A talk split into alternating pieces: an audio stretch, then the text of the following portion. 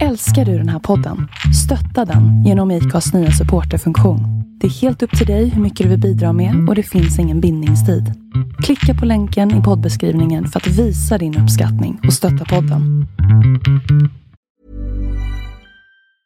Mom deserves the best, and there's no better place to shop for Mother's Day than Whole Foods Market. They're your destination for unbeatable savings, from premium gifts to show-stopping flowers and irresistible desserts. Start by saving 33% with Prime on all body care and candles. Then get a 15-stem bunch of tulips for just $9.99 each with Prime. Round out Mom's menu with festive rosé, irresistible berry chantilly cake, and more special treats. Come celebrate Mother's Day at Whole Foods Market. What is the source?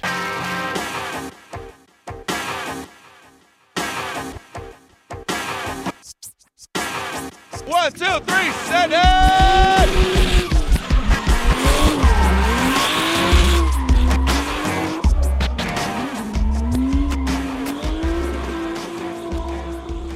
Hej och välkomna till ett nytt avsnitt av Driftpodden.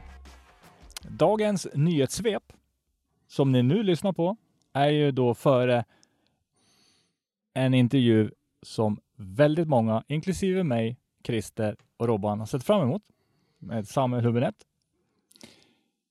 Med oss idag, fast på olika håll, har vi då Christer Hägglund, Jajamensan. Robban Strandberg Tjena, tjena. och så jag då, Henrik Andersson, någonstans i Sverige. Och på grund av coronaviruset så sitter vi på varsitt håll. Men vi ska nog kunna se ihop det ändå, eller hur grabbar? Ja, det tror vi säkert. Nu är det ingen hostrisk på någon av oss så att säga. Och jag hoppas att alla ni båda har varit hemma och varit hyfsat friska och krya och era familjer mår må peachy. Själv har jag suttit hemma i en vecka och varit snörvlig för man får inte gå och jobba än så man har lite, lite, lite ont i halsen så man har suttit hemma och klättrat på väggarna snart en vecka. Mm. Nej, vi har klarat oss helt och hållet faktiskt. Eh, jag har jobbat förmiddag. Upp fyra på morgonen, hem klockan två. Chefen bara tittar på mig och säger, ingen sjukdom nu? Nej då, är bra. sa han bara. Ni kör inte med sån här lasertermometer i pannan på morgonen när ni kommer eller? Jo, vi har en där vi mäter betongens termometer, alltså temp. Och, och det, den har ingen Fattas- covid-19? Mm, Nej, det, det har han inte. Och jag hade 34 grader sist jag kollade, så jag är nog rätt så bra. Ja, ja, Då se. skulle jag nästan börja bli lite orolig åt det hållet istället. Den är lite felkalibrerad, Ja, lite. eh, måste jag säga. Men eh, vi drar igång med nyhetssvepet. Det finns ju Ja. inte så, så jättemycket eh, just nu på grund av att allt i princip är ju nedstängt på Mm, grund av så är det. covid-19 då. Men det finns en del. Ja, lite Och- grann finns det väl i alla fall. Det händer ju lite grann i, i säsongsförberedelserna fortfarande. Ja, precis, precis. Ni har ju en ganska stor mot, eh, kille där uppe. Eller kille, det är ett stort företag. Eh, uppe i Sundsvall då. Mm. Tänker du på Motor Nord då kanske? Ja, precis. Mm. Vad heter grabbarna i efternamn som har Motornord då? Ja. Hyrskelahti. Och hur stavar du det då Christer? H-Y-R-S-K-I-L-A-H-T-I. Jag tror jag kan det. Ja. Ja, fan. Eh, då. Duktiga, Eh, duk, duktiga killar skulle jag tillägga och eh, Ja. väldigt eftertraktade. För det, man ser ju uppdateringar från sociala medier jämt att det är folk där och mappar och grejer. Ja, de, Mm. de håller ju till bara en liten bit ifrån där jag bor, typ fem minuters promenadväg och det står ju alltid bilar, alltid från driftbilar, rallycross, rally och sen har ju de sina egna privata projekt. Så de har ju någon BMW, jag tror det är någon gammal E30 eller någonting sånt här som de har plockat ut en 14-1500 plus hästkrafter ur som man brukar köra backtävlingen bland annat. Jag vet inte vad den bilen egentligen är till för mer än som ett projektbil. Jag vet inte om den ska köra, om den ska vara en backbil eller en, en, en bil för stripp eller någonting sånt här. Men det, det är ett riktigt, riktigt monster. Den är fruktansvärt vacker att se. Jag, jag bor på fel, fel ställe i Sverige tror jag. Jag ser aldrig något sånt där roligt här. Nej, det är lite sämre med sånt. Jag har inte så mycket jag heller där ute i Timrå där jag bor. Men, men eh, det som tur var, det är inte så långt in till stan i alla fall. Eh, Micke Johansson var ju på besök där nu i veckan här som gick och eh, han har ju haft ett samarbete med Motor Nord under, under ganska lång tid, ända sedan sen Volvons tid så att säga. Så Mm. han var där och eh, kollade upp eh, mappning och eh, de höll på lite grann med ALS och lite annat sånt där. Så att eh, bilen har fått sig en genomgång i alla fall. Och eh, vi fick väl ingen effektsiffra mer än att det var samma som förra året tror jag från, från Micke där. Men de Men körde igenom och kollade upp mappen i alla fall. man, man, man, ser, man ser, om man tittar in i bilen, det, ska ni komma ihåg förresten, man ser när han köra, titta in i bilen när han sträcker upp handen och drar igång ALSen. Vilket monster han får till bil alltså. Mm. Eh, vi sa att uh, Motornord är ju ganska populära och det är ju populärt att man eh, följer med dit och tittar på när kompisarna mappar sina bilar och sådär. Men där hade du sett lite grann Robban om att de har lite restriktioner på det där nu då. Ja, de hade gått ut på sina sociala medier och bett om att, eller bett och bett, de har sagt bara att det, det är bara den som har bilen som ska bromsa som får komma dit. Tyvärr får inte Mm. Publik eller kompisar eller vi till exempel komma dit, då, för de vill försöka hålla ner antalet människor som är, vistas i lokalen eftersom man är väl tyvärr ganska nära varandra under en sån här process. Och det är ju smart, Mm. det är ju jättesmart, Ja. men det är lite trist om man åker genom halva Sverige med, med en fem, sex pers, för det är ju ganska ballt att åka och titta på när någon bromsar en bil. Mm. Så får de sitta kvar utanför eller sitta i fikarummet eller något sånt där. Mm. Ja, men det, det är ganska, ganska vettigt. Ja, eh, oh ja. Ja, det är ju fler som har varit ute på, på Dino-turné så att säga.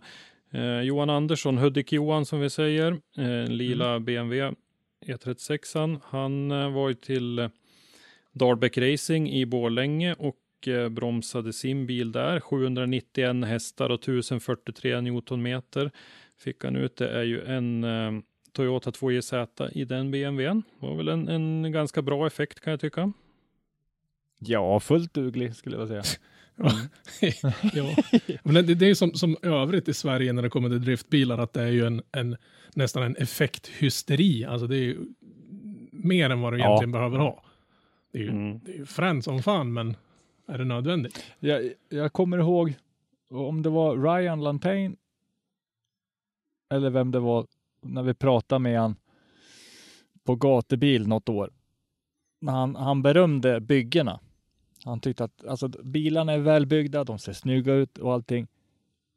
Men ni ska ha så fruktansvärt mycket effekt bara. Det är bara för att vi kan. Ja, sen är- kan jag väl tycka också då, kör man en, en motor sådär uppåt en 800-900 hästar eller en bit över 1000 kanske till och med och så har man någon, någon snällare mapp som man kör när man kör på de här mindre banorna och sådär så är det är väl kanske inte något, alltså det är klart att motorn är dyr att bygga men eh, jag vet inte riktigt om du då sen plockar ut en sån där som du får ut 800 ur, om du då plockar ut 500-550 ur han kanske på de här mindre banorna så lär han väl gå ganska snällt ändå kan jag tänka. Ja, och framförallt när det är blött som, som förra säsongen var så kan jag tänka mig att det är många som, som stryper dem ganska rejält faktiskt. Du frågar om det är många som ens är uppe och kör på en, på en 500 plus som det var i Sundsvall, en liten ganska tajt bana, Mm. spöregn och blandat med betongasfalt. Så jag tror inte man behöver ha många hästar alls för att harva runt där. Ja. Nej, nu, nu, nu backar vi tillbaks bandet till 2015 tror jag. Sundsvall. Dag två, SM hade körts. Dag två så körde de ju någon modified tävling. Ja, Och det regn- en Drift Series deltävling tror jag. Ja, och det regnade kopiöst mycket. Mm. Men då var det ju någon där som körde med 143 hästar Mm. Och alltså länka ihop och det, det gick bra. För det är ju det, speciellt då, det var väl innan de hann asfaltera hela banan, det var väl bitar av den betong också, men jag är inte helt ute och cykla. Och där är det ju såphalt när det är när det kommer massa gummi på betongen och så kommer det massa vatten på det och det, vattnet har ingenstans att ta vägen. Då är det ju så man kan ju knappt gå där utan att, att stå på näsan. Ja, jag tror nästan bet- det var väl nästan betong. Hela kurvan ner mot tidtagarkuren. Som stod. Ja, men precis. Mm. ja, nej, det var intressant.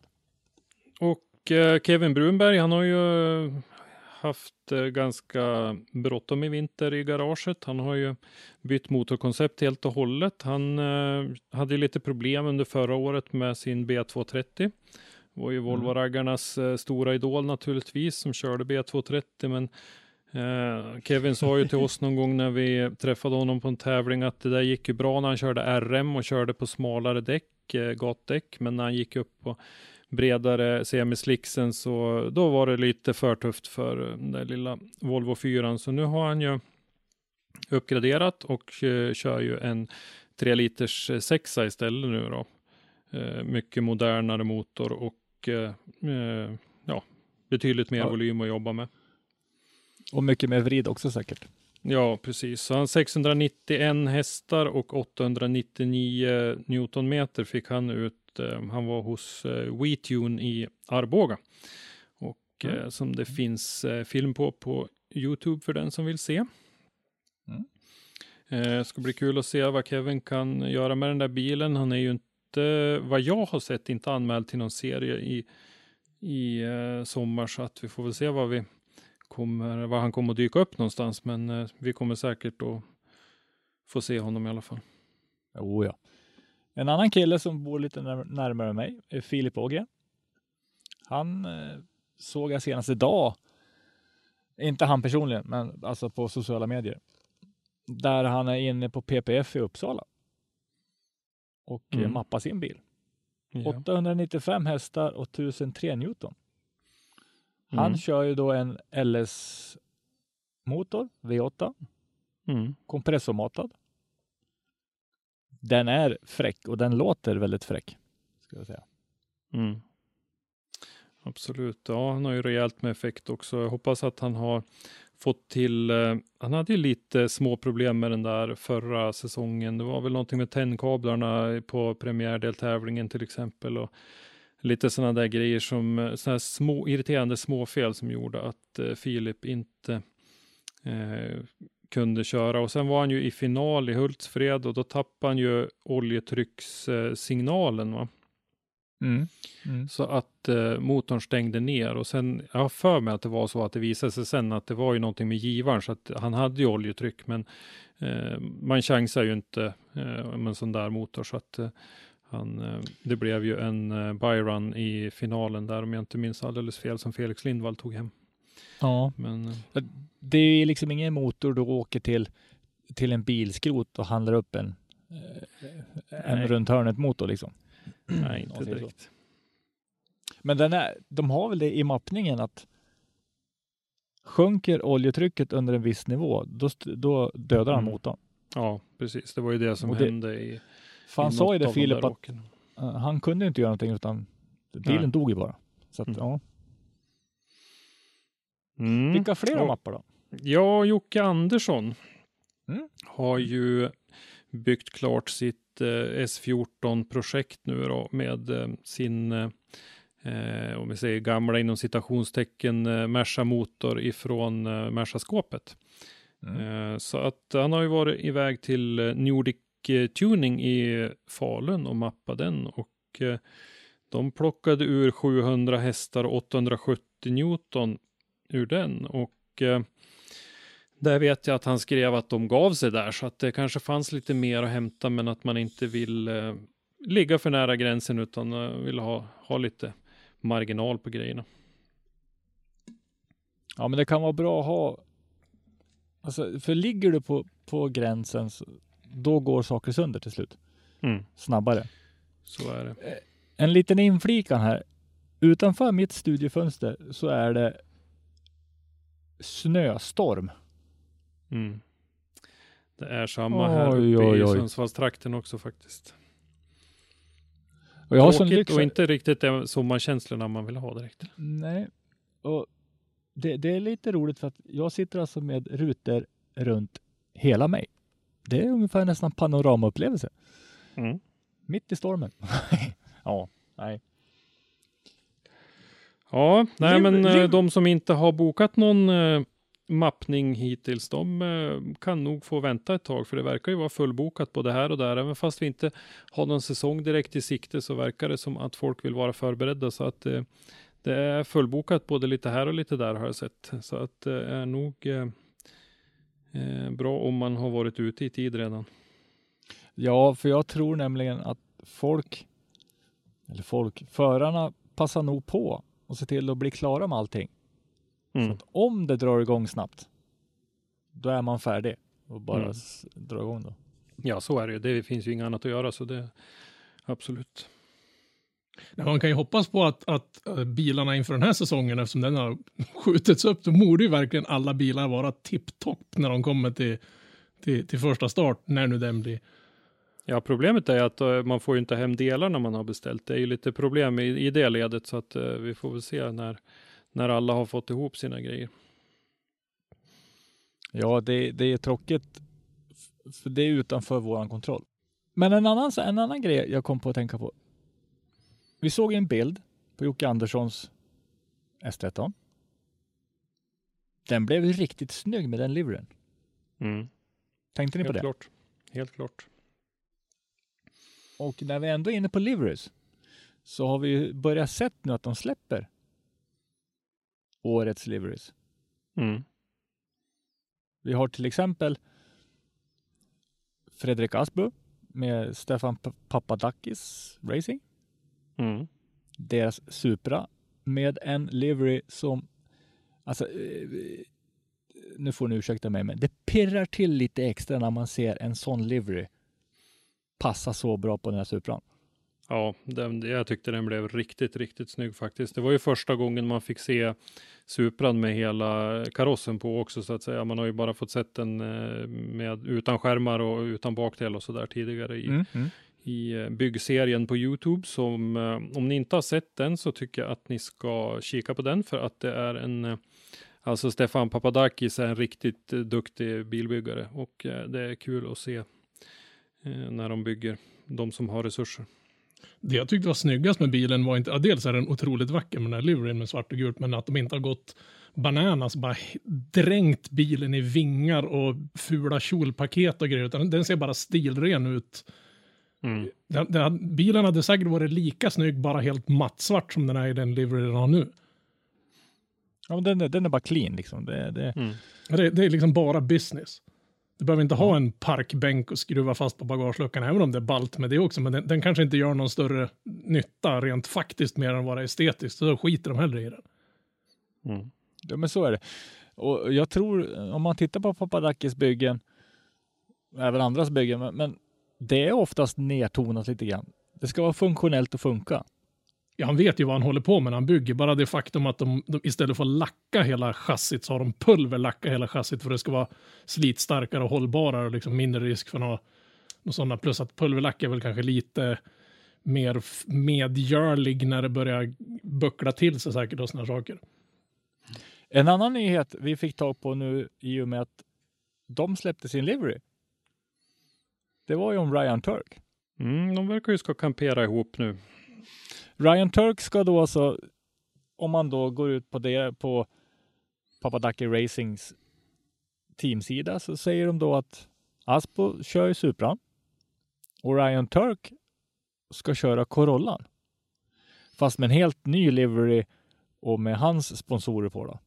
Mm, Gamma Gamma Out. och- Precis. Eh, ja, det ska ju bli lite spännande att se. Ryan Turk hade ju en rätt händelserik säsong förra året när han eh, stötte till eh, den gamla GT86 lite lätt i, i premiären så att han fick ju hastigt och lustigt ta sin vanliga streetcar GT86 och bygga om den till deltävling 2. Så att Ja just det, det blev panik deluxe där ja. Ja, det vart ju en riktig panik där. Så att eh, jag trodde nog faktiskt att de skulle köra vidare med den eftersom den var förhållandevis nybyggd då, men kanske eh, snygga till den lite grann under vintern. Här. Men det blir rättning mitt åt och eh, blir en del av eh, Papadakis-gänget och eh, så byter de ju däckmärke också och ska köra på Nitto Mm. eh, bägge två. Så att eh, det, ja, Jag, kan, jag sitter bara och hoppas på att säsongen kan ju starta typ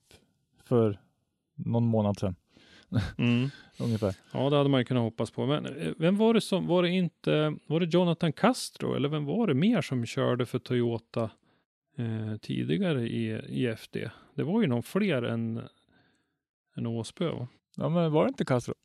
Ja, jag har för mig att det var det. Men eh, vi får väl se vad som händer med honom då. Men eh, Ryan Turk är ju en, en rutinerad kille. Han har ju varit med sedan tidernas begynnelse och eh, får vi se då om han får en liten nytändning i, i den här Corollan. Eh, den, är ju, den är ju liten den där bilen och eh, har en ganska liten motor som de laddar på ordentligt med lustgas i och så där. Så att eh, jag tror, utan att veta, att den är lite speciell att köra. Så vi får väl se vad, vad han kan göra med den där. Det ska bli riktigt kul att se Fredrik också i en, i en som jag då tycker riktig bil. Ja, det lär ju vara ganska stor skillnad på att köra en fyrcylindrig varvvillig motor där du måste i princip pressa rätt hårt, antar jag. Mm. Mot att komma in till exempel med en sexa då som du har ett bottendriv. Ja. Mm. Ja, det ska bli spännande. Har vi några andra hört Ja, faktiskt också en Supra som jag har sett eh, skymten av. Henrik Isaksson har ju släppt en ny livery till sin, eh, om vi säger gamla Supra, eh, Mm. som är lite inspirerad av eh, gamla klassiska Lotus Formel 1 livery. Mhm. Eh, riktigt snygg blev den tycker jag. Eh, får vi se om det kommer på, det var inte så mycket sponsordekaler på den då när jag såg den, om det kommer på lite sådana också. Eller om, eh, om Henrik kommer ha det där klina utseendet på Supran. Så det var, det var ett lite roligt grepp faktiskt då, och, bli, och vara så uppenbart inspirerad av, av något så klassiskt. Och sen är det, ja, sponsorerna ska ju synas. Jag menar, deras hjälp är, är mycket värd, men ibland Mm. önskar man att kunde inte få vara lite finare, cleaner. Mm. Ja. Sen när det gäller Henrik och eh, sådär vad han med sponsorer och sånt så vet inte jag riktigt vad han satsar på att köra för någonting i kommande säsong. Eller vet vi det? Har vi sett honom i Gatuville Drift Series? Jag, jag kommer faktiskt inte ihåg nu. Jag tänker, ska han ha någon lite så här mellansäsong så kanske han inte har så många samarbetspartners som ska trängas på bilen heller. Men det där får vi väl se när, när vi drar igång så kommer det väl att ge sig. Men en snygg bil var det i alla fall. ja, för vi har ju också fått rapporter om att det är svårt nu. med Företagen med sin ekonomi, eh, sponsoravtal som dras in. Mm. Så att det där, nej, vi får nog vänta och se tills det rullar igång. Ja, jag. kan väl ta det som, som inledning på eh, blocket här med världsläget. Men vi har ju sett till exempel att Andreas Staberg som är anmäld till STC, han har ju annonserat ut sin bil och där skriver ju han i försäljningen att eh, han har ju tappat ett par tunga samarbetspartners och eh, eh, väljer då att sälja bilen. Så att Mhm. eh, mycket talar väl för att han inte då blir med i i Swedish Drift Championship när det nu väl drar igång. Eh, vi vet ju inte riktigt när det kommer att dra igång, men eh, jag, jag vet faktiskt Nej. inte vad de sista officiella eh, vad det sista officiella som är sagt ifrån SPF där. Jag tror inte att man har flyttat på premiärtävlingen Nej. ännu, men eh, jag ser det nog som en mikroskopisk chans att den kommer att köras på Mantorp i, i slutet av den här månaden. Det, det ser jag ingen möjlighet till överhuvudtaget. I, I och med att de gick ut och sa att max 50 pers ihop. Mm. Nej, Det stoppar ju effektivt det mesta, skulle jag vilja säga. Ja, det gör ju det. Eh, Sen så kan det ju faktiskt vara så att eh, STC vill kunna plocka ihop och komma med något, eh, något annat alternativ eller någonting innan man går ut med att den här tävlingen är uppskjuten eller inställd eller vad man nu vill kalla det för. Så, så att det kan ju vara därför som, som det beskedet dröjer lite grann. Jag, jag, kan ju näst, jag kan ju garantera er att de sitter ju inte och väntar, utan de jobbar febrilt för att försöka lösa någonting. Ja, absolut. Eh, Det gör de helt säkert. Mm. Mm. Men när vi ändå är inne på det här med corona nu, eller covid-19, allt vad det nu kallas. Har vi fått några mer rekommendationer? Ja, det är väl det här som du nämner med eh, förbudet mot sammankomster och 50 personer.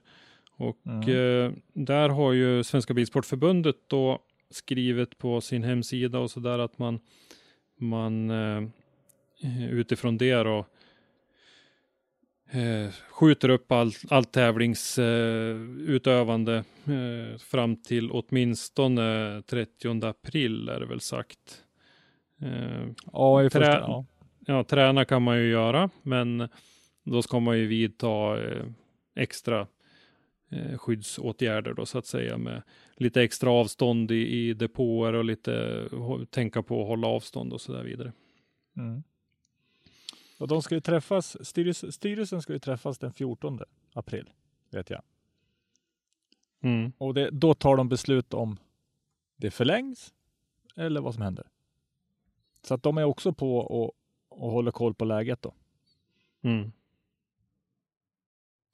Ja, och eh, jag har tittat runt lite grann i distrikten och eh, där är det väl inga direkta uppdateringar. Jag tror att det var bara nedre norra som eh, hade gått ut med en nyhet om att de också då skjuter upp all tävlingsverksamhet till och med 30 april.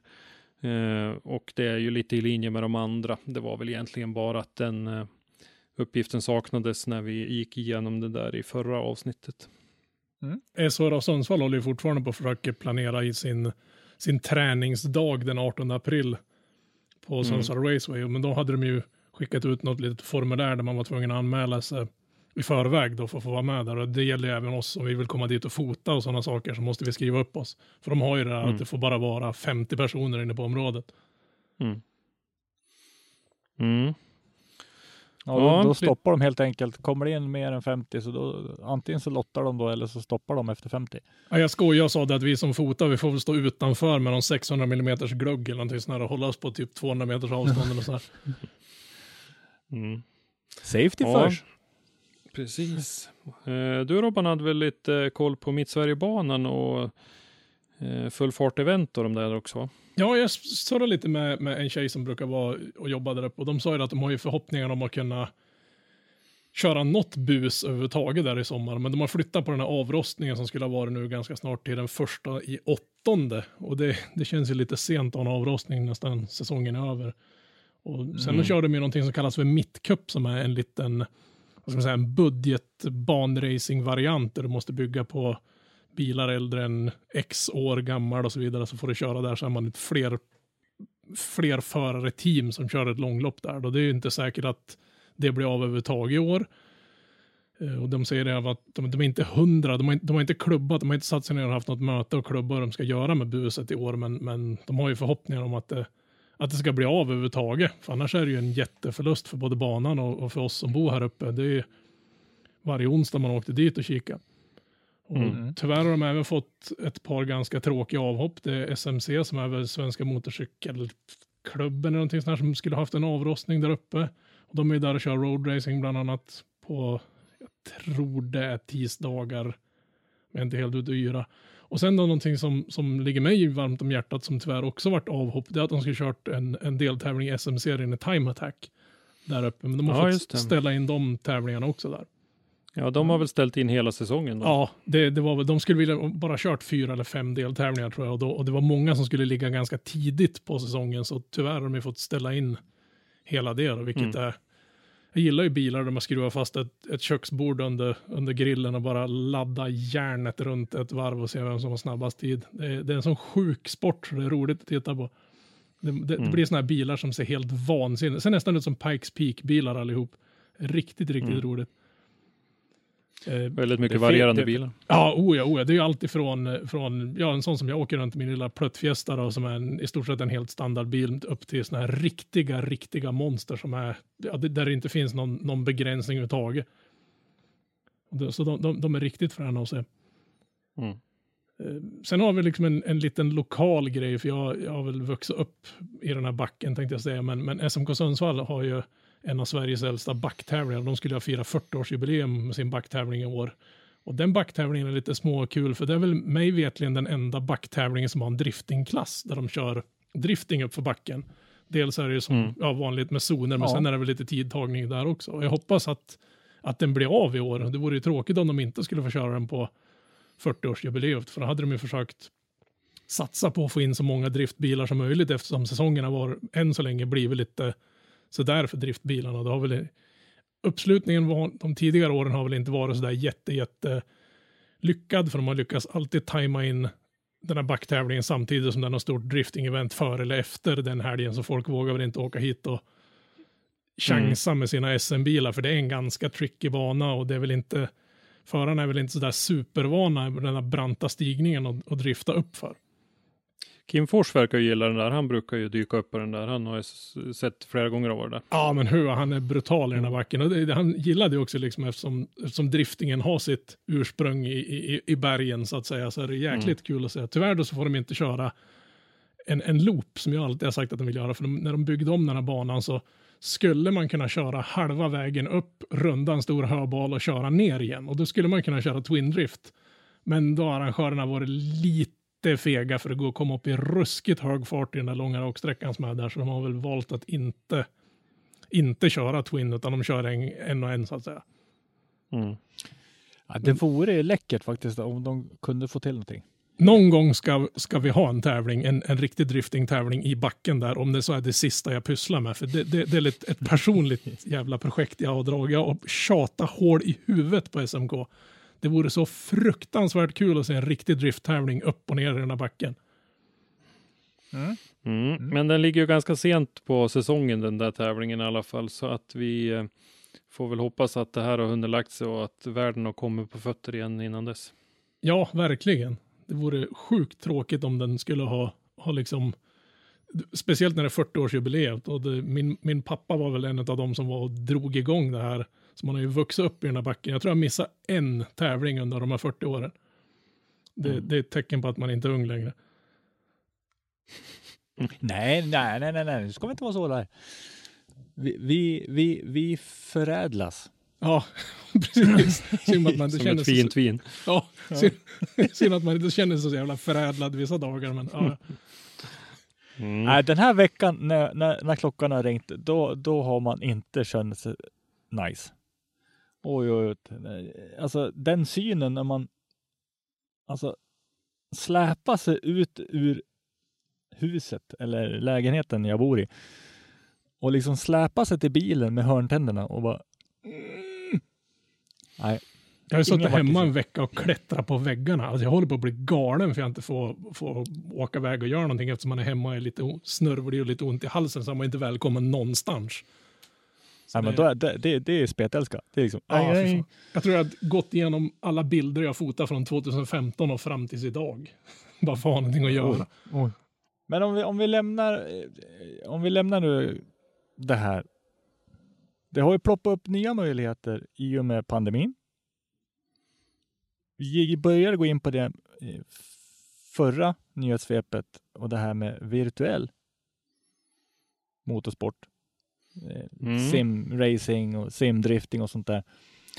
Och driftingen börjar ta flera steg. De har Faktiskt. börjat vakna lite grann, helt klart. Eh, vi ska väl säga det också att jag vet att tuggas lite grann i simkretsar här att eh, det låter som att eh, simracingen har uppfunnits nu under, under coronapandemin här och, och, så är det ju inte. Det här är ju ett välfungerande eh, litet samhälle. Det också har ju varit så i många, många år, men eh, mm. de får ju väldigt mycket uppmärksamhet nu, så vi får väl hoppas att det kommer dem till gagn. Eh, att med all den här uppmärksamheten, att det är fler som får upp ögonen för det och att eh, de kan eh, fortsätta och ha lite högkonjunktur även efter det här. Om vi nu, med, medan jag får in det, så jag kollade på sociala medierna. En stor amerikansk tv-kanal kommer att sända virtuell racing. Mm. Så stort har det börjat komma. Men det blir väl det i och med att det är många stora förare som, som hoppar in. Det är, det är inte bara de här uh, Broadbent och det här gänget som, som som är simracingproffsen, utan det är ju professionella vad ska man säga, racingförare som, som ja, ja. brist på ja. annat hoppar på det här också. Och då blir det väl att ja, det blir, blir väl liksom en större pang. Ja, det är ju det som, ja, det är det som gör medieintresset och det är ju det som kan vara, kännas eh, orättvist, men som jag hoppas leder till någonting bra för, för simracing-communityt så att säga. Men de får ju pisk de här stora förarna. Det är bara att kolla på, på Felix och grabbarna. De får ju superdäng av de här simraceförarna. Mm. Ja, Drift Corner Grand Prix finns det ju någonting som heter nu då inom driftingen som jag har eh, kört lite grann. Vi har en svensk som heter Alexander Holstner som eh, kör i det där. Eh, Alan Hines, eh, irländsk eh, proffsförare, är också eh, med där och åker lite grann. Mm. Han är för övrigt son till Kieran Hines som är Eh, ganska välkänd eh, bedömare och profil i drift, eh, de här IDC-sändningarna och, och, sånt där. Men nu då så har Pavel Korpolinski och Pavel Trella även blivit värvade in och ska köra det här Drift Corner Grand Prix och det verkar ju vara ganska seriöst också. De, de kör ju faktiskt enligt Driftmasters Demex DMX rulebook, alltså deras reglemente. Jaha. Så Ja, de, de har tagit den rakt av, ja. Och eh, spelet då heter Assetto Corsa som de kör i och eh, man, eh, vill man vara med där så finns det absolut möjlighet. Då måste man ha PC-versionen av eh, Assetto Mm. och så eh, finns det lite information. Om man söker på det där så om man är inne i den där svängen så finns det information om hur man anmäler sig och så där. Och vissa banor då är ju skannade riktiga banor och vissa är väl mera påhittade som finns bara virtuellt så att säga. Mm. Assetto Corsa, eh, om man säger, när, vi pratar Assetto Corsa, då är det PC-versionen. Annars är det Assetto Corsa Competizione, eh, som man heter. Eh, den går över på, på konsol då, men Assetto Corsa, det är grunden och det finns väldigt mycket mods, eller modifieringar, egenbyggda banor, egenskannade banor och så vidare. Mm. Så det finns väldigt mycket man kan laborera runt med. Det, det är stort. Ja, det finns även instruktioner hur man hittar bilar man kan ladda ner och så vidare. Så att eh, det, och eh, Discord eh, som eh, för att hålla kontakt och sånt där och eh, eh, man håller ju förarmöten och, och så där precis som man gör i, i eh, de eh, riktiga tävlingarna och eh, det sänds väl även lite grann på Steam tror jag. Så att det Mm, kan mm. gå och titta för oss som inte kör själva också. Det är bara att hoppas på att Sverige och Svenska Bilsportförbundet hoppar på det där, för de har ju ett eh, SM i virtuell bilsportrally som de ska dundra igång nu snart, eller om de inte redan har kanske öppna för, Mm. för anmälningarna där. Och det vore ju jäkligt roligt att se ett, ett drift-SM, virtuellt drift-SM också, för, för just virtuell bilsport, vi hade ju i, var det i vintras de körde SM för första gången här uppe i Sundsvall under SM-veckan och de korade ja, första svenska mästaren i, i, virtuell, virtuell bilsport. Och han har väl gjort ganska bra ifrån Mm. sig i övrigt efter det också.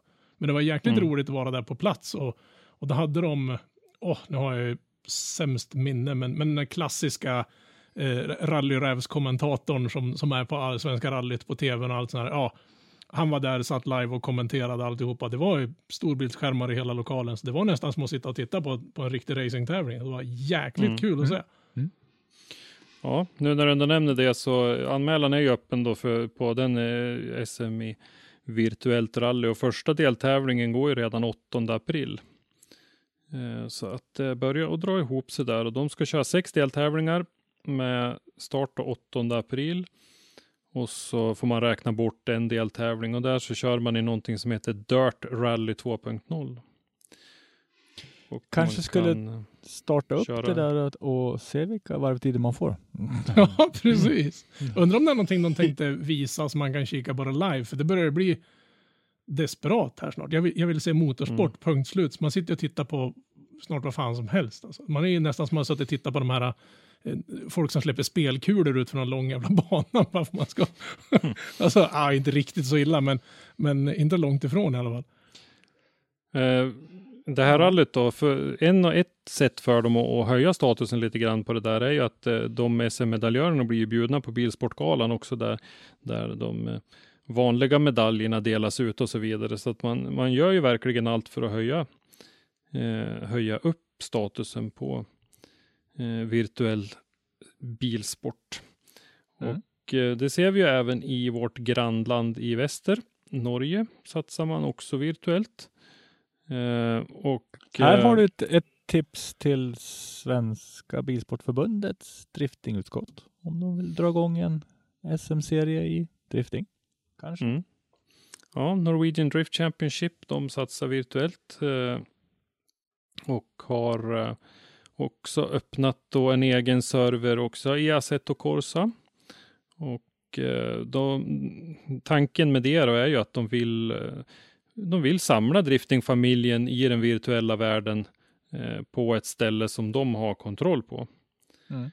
Eh, så öka rekryteringen lite grann, få in de här virtuella, eller simförarna då så att säga och kanske bli Eh, nu tänkte jag säga riktiga förare, men det får jag väl absolut inte säga, utan eh, vad, vad ska vi kalla det då?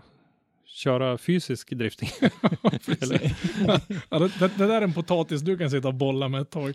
ja, ja. För, Nej, men, för, äh, förare som överbrygger gränser. Mm. Typ. Nej, ja. så att eh, det, det, är kul att se att eh, NDC satsar på eh, även den här biten faktiskt. Eh, de mm. satsar ju hårt på på sitt mästerskap i år. Vi hade ju en intervju med eh, Ronny Köhler ifrån eh, ifrån eh, NDC i vårt förra poddavsnitt. Om ni inte har lyssnat på det så tycker jag att ni ska göra det. Så ja, de satsar hårt på det också.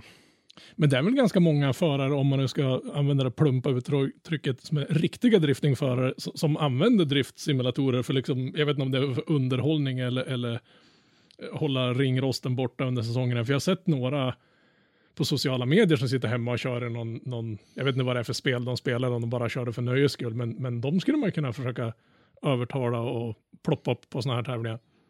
Mm. Ja, vi har ju också det här med den här virtuella Drift Bash Game, eller Drift Games Bash. Mm. Det är ju inte Drift Bash. Drift Bash är ju SVR Motorsport och det är inte virtuellt. Det, det är ju vanligt. Men Irland Grabbarna mm. bakom då förra årets upplaga av IDC mm. eh, drog igång Virtuellt Drift Game Bash. Mm. Där de körde, var det en eller två dagar? Ja, det vet jag inte riktigt, men de körde en del i alla fall. Mm. På en, mm. alltså en, en bana som de hade byggt upp. Den liknar väl Mondello Park tror jag. Och så vidare. Men alltså gjort egna slingor, och det var precis som, som att åka på en, en frikörningsevent. Mm. Fast virtuellt då. Mm. Det är också ja, de hade ju med lite av sina storheter där, Din och eh, Jack och Connor Shanahan bland annat, men även då Tor Arne Kvia och Elias Huntunji eh, var ju faktiskt med där. Ja, Körde lite grann så att eh, det verkar som att det går att locka storfräsarna till det där. Ja, det gör det. Och sen så är det det att ja, simulation, det är ju inte hundraprocentigt verkligt, men det är bra nära i vissa lägen och det är ett bra träningsverktyg för att träna upp reflexer. Mm. Absolut.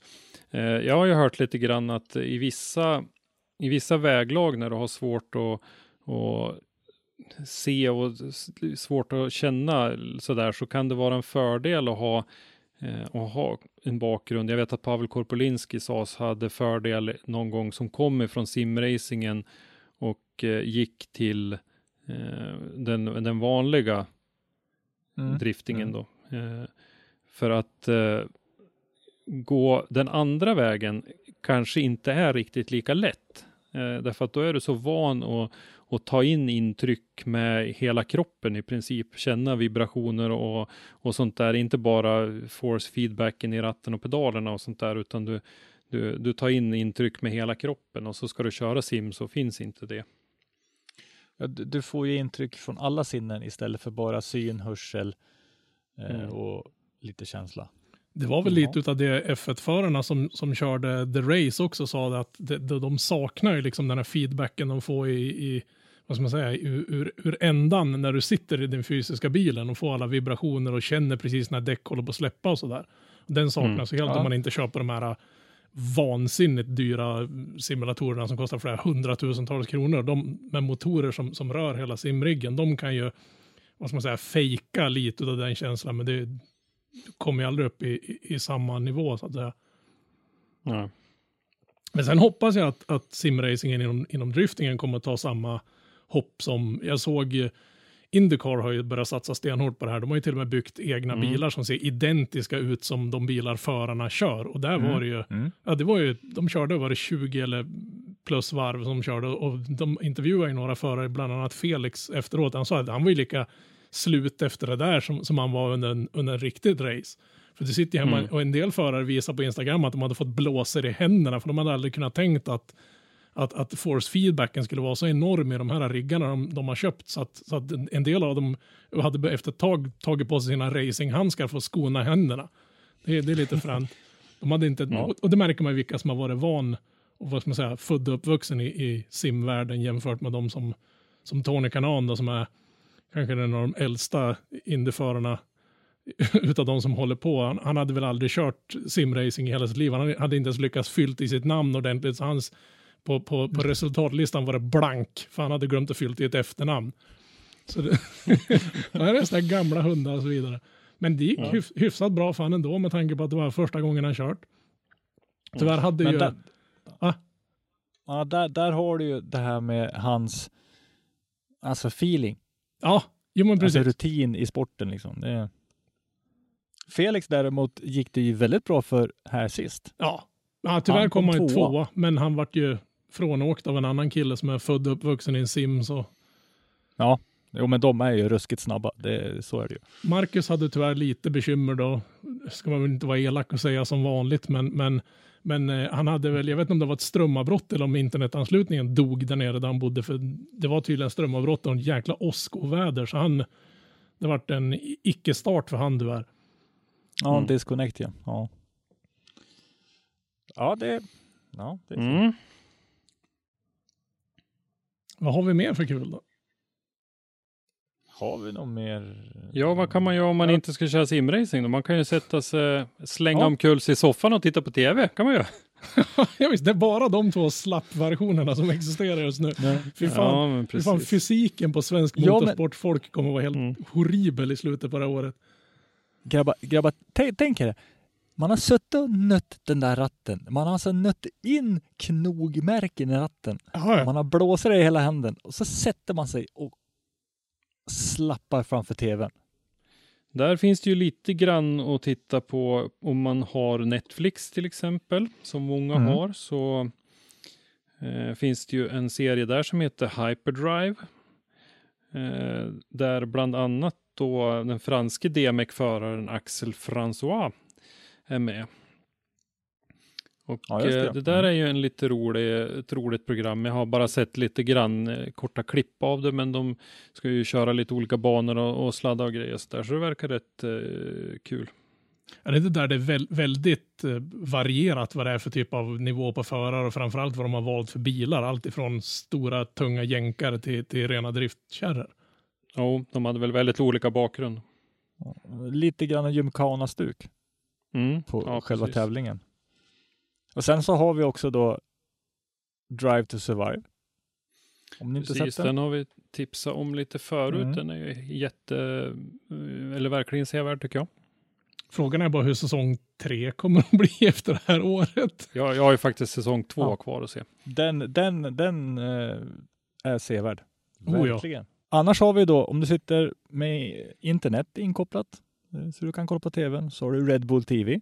Där har du ju två stycken serier om du är intresserad av drifting faktiskt. Du har då dels då inte Drift Brothers of Sweden utan Red Bull Drift Brothers, vilket då är Elias och Johannes Hotundi. Precis. De kommer från Tyskland va? Mm. tyskar. Och så har vi då damen som, ska man säga programledare? Var hon programledare för livestreamen på Red Bull? Ja, hon var väl, eh, vad ska man säga, intervjuare och sådär i alla fall. Eh, for jag och sprang med mikrofon och intervjuade förarna i, i Drift Masters. Hon har ju också en webbserie som är, den är väl inne på säsong tre nu tror jag. Eller så kommer den snart. Men i alla fall där man får följa henne och hennes resa inom att försöka slå sig in i driftingen. Seriöst. Nu har jag tappat, heter hon Queen Bee eller någonting va, som hon kallar sig Ja, för? hon, hon kallar sig för Queen Bee, Drift Queen. Hennes egentliga namn är ju Becky Evans. Just i alla det, fall. så är det. Mm. Så det finns Mm. lite att kolla på. Ja, sen är ju hela, hela YouTube fullt i, i såna här byggserier och grejer. Och, eh, jag, vet Mm. inte, jag, jag gillar Herman Janssons eh, byggprojektserie som han har på att släppa avsnitt då och då. Jag såg att det har kommit ut något nytt avsnitt nu, bara någon, om det var idag Mm. eller igår, som jag tänkte jag skulle kika på. Det är lite underhållande. Jag håller helt med dig. Jag har sett alla avsnitten i Hermans serie. Tycker att han och eh, Joel Steimer på Stellar Production som har gjort den serien har lyckats jättebra. Eh, jag tycker att eh, Herman är duktig på att förklara i lugn och ro liksom vad han gör för någonting och varför och så där. Så att jag tycker att det har varit en riktigt toppenbra byggserie det där. Du och jag Robban var ju och hälsade på Eh, Herman och Tony i garaget och sen så träffade vi även Joel och eh, Pontus Lundgren och gjorde ju två poddavsnitt i, i vinter här och då snackade de ju lite grann om den där eh, garageserien, byggserien, att de hade ju väldigt höga ambitioner och jag tycker att de har lyckats eh, infria dem faktiskt. Ja, och det är ju egentligen vad man har förväntat sig av Joel mm, han, ja, men så. Han, ja, men han är liksom lite perfektionist och om man, om man liksom följt saker han har gjort så, så inte få elak på mm. något sätt, men det var det här jag hade väntat mig och jag är fruktansvärt mm. glad och, och, att de gjorde det här. Framförallt som du mm. säger så är det väldigt informativt och medan, sen man har, har sett den här serien så, så kan man nog nästan våga sig påbygga en driftkärra. För det, det, han har liksom inte nördat ner sig totalt, men han skrämmer inte slag på folk han, han förklarar på ett väldigt bra sätt och, och framförallt så tycker jag det är jäkligt underhållande. Han är liksom mm. en, en kul prick framför kameran. Han är lika rolig, rolig att se framför kameran som bakom ratten. Och eh, den byggserien då ligger ju på Stellar Productions eh, på YouTube så att man kan leta åt den där. Vi kanske kan slänga upp en länk dit också, för jag tycker verkligen att fler ska gå in och, och titta på det där de har gjort. Mm. Nej, och som sagt, eh, Youtube är ju fullt av, av eh, bra grejer, så där, där är det ju bara att söka sig vidare sen. Det brukar försvinna några timmar på tuben ibland, ja. Mm. Det kan tänkas. Lite lätt sådär, i alla fall i de här tiderna när man eh, minimerar tiden man är utanför huset. Jag, mm. jag följer några galningar som, som har något projekt som heter Project Binky, där det är två britter som, som eh, emellan tekoppsdrickandet så, så lyckas de bygga in en, en, en gammal Celica GT4 drivlina och motor i en, i en gammal hundkoja. Men det, där ska man liksom vara lite bilbyggarnörd tror jag för att uppskatta det. En annan, en annan grej som jag eh, nu kom på. Ska du tävla inom med då SPFs virtuella tävlingar då lär du lösa en virtuell licens. Ja men precis, den går väl under den här äh, enkel bilsport som den heter, om jag inte helt ute och... Ja, precis. Eh, det kostar en hundring tror jag det var. Ja, någonting sånt där. Eh, har du en licens eh, så kan du gratis lägga till en virtuell licens då. Ja. Men, men det, det är också en, en grej som, som ändå cementerar lite grann att det här är någonting som är på väg att bli något. Mm. Ja, När man pratar licenser var det. Ja, men det gör ju liksom att, att det känns lite mer seriöst, att det inte är en, en lek längre. Det är inte som man sitter hemma och spelar dataspel. Det är inte det man gör, utan de här grabbarna satsar ju stenhårt. Så när de var och kollade på, på SM i Sundsvall här, de, de grabbarna tränade ju, det var ju ett två dagars event. De, de, de mm. satsar ju 200 procent på det här, lika hårt som vilken annan bilsportsutövare som helst. Vad, vad säger ni grabbar? Eh, ska vi Ja, ska vi, ska, vi pitcha, ska vi pitcha den här intervjun lite grann kanske? Vet, uh, är Samuel Hübinette ett household name uh, nu för tiden? Jag vet inte. Om man säger så här, eh, i driftingvärlden, ja.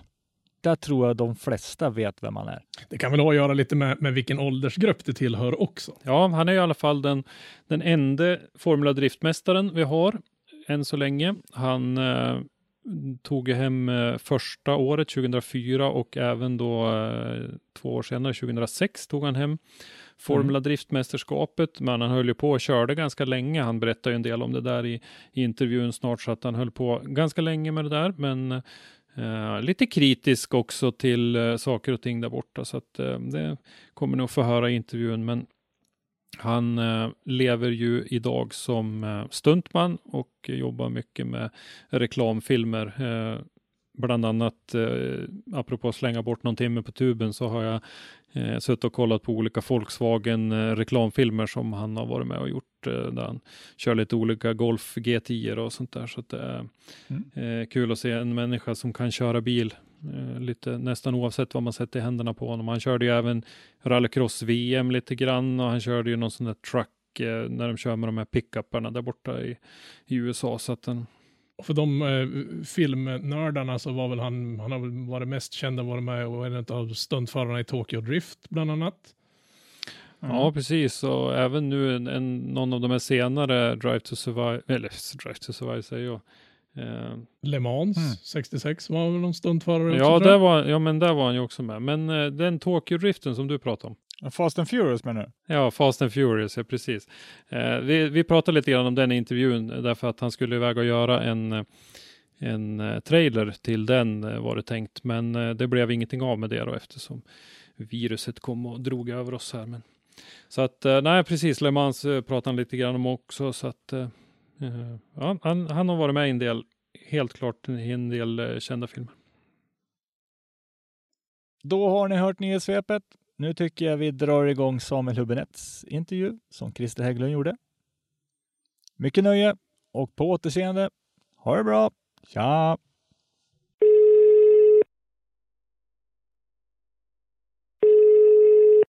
Då säger vi välkommen till Driftpodden Samuel Hübinette.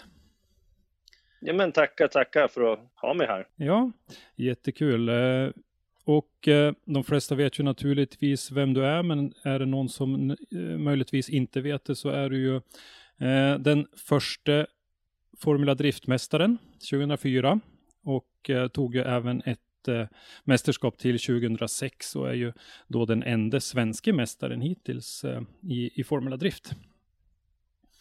Uh, ja, vad du, vad, vad, du kan. Ja, men eh, det är ju självklart att vi, vi är pålästa. Du har läst på dig. Ja, lite grann. Uh, och uh, ja, du, du sitter uppe i, i Klippiga bergen nu och när vi spelar in det här. Du, ja, vi, vi är uppe i Mammoth en eh, största skidort här i en fantastisk skidort. De har typ 28 lifter, så det är som att vara i Alperna. Mm. Eh, så vi, vi åkte upp och på grund av den här coronavirusen så har vi stannat här lite, kanske en, en vecka. Så det blir, det är ett bra ställe att, att chilla på med craziness där nere Mm. Jag förstår. Hallå? Ja, det är, det är lite dåligt, dåligt ljud ibland här. Eh, har du dålig mottagning eller någonting? Eller? Jag märker det. Jag har, jag har wifi här. Vi ska dubbelkolla att det är på. Jag, jag, har på ja, jag har wifi på så det ska vara bra kräm. Ska vi börja om igen? Nej, nej då, vi kan. Jag tror vi, vi hörde allting, men vi kan. Jag ville bara säkerställa så att det inte kommer tillbaka. Så Ja. Ja, nej men vi kör på. Jag ju eh, lite grann tänkte jag att vi kunde få höra om eh, dig Samuel och din uppväxt och så där. Vi kan väl höra att du kommer ifrån norra delarna av Sverige. Vart är du uppväxt någonstans och så där?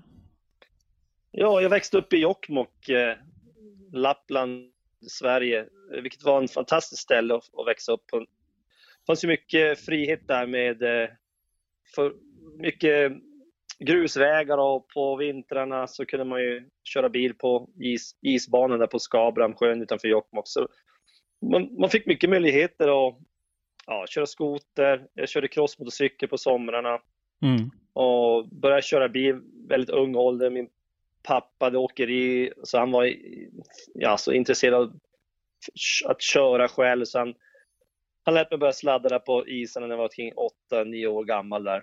Mm. Så man, man lärde sig att åka på bredsladd eh, som ung. Ja, precis. Ja, eh, höll du på med någon mer arrangerad motorsport också under den tiden eller? Jag, jag tog, mitt, jag tog juniorlicens i, i folkrace när jag var 16. Mm. Eh, och, det, och det gick bra. Men då tyckte min farsa var för mycket jobb att hålla på med folkrace. Han, han, han köpte aldrig någon bil och för han visste att det var han som skulle få vara mycket involverad och mm. ta mig till tävlingar. Så, så jag kom som aldrig igång med det. Så, så då fokuserade jag på motocross på somrarna. Körde mycket skoter på vintrarna. Och eh, sen när man fick körkort då, då började man ju få köra som en dåre varje dag på olika vägar där uppe i, i skogarna. Så det var ju, ja, det blev som så för mig. Men mm. ja, senare kom jag in då som professionell förare för Volvo, för de, gjorde testkörning där uppe på vinterna.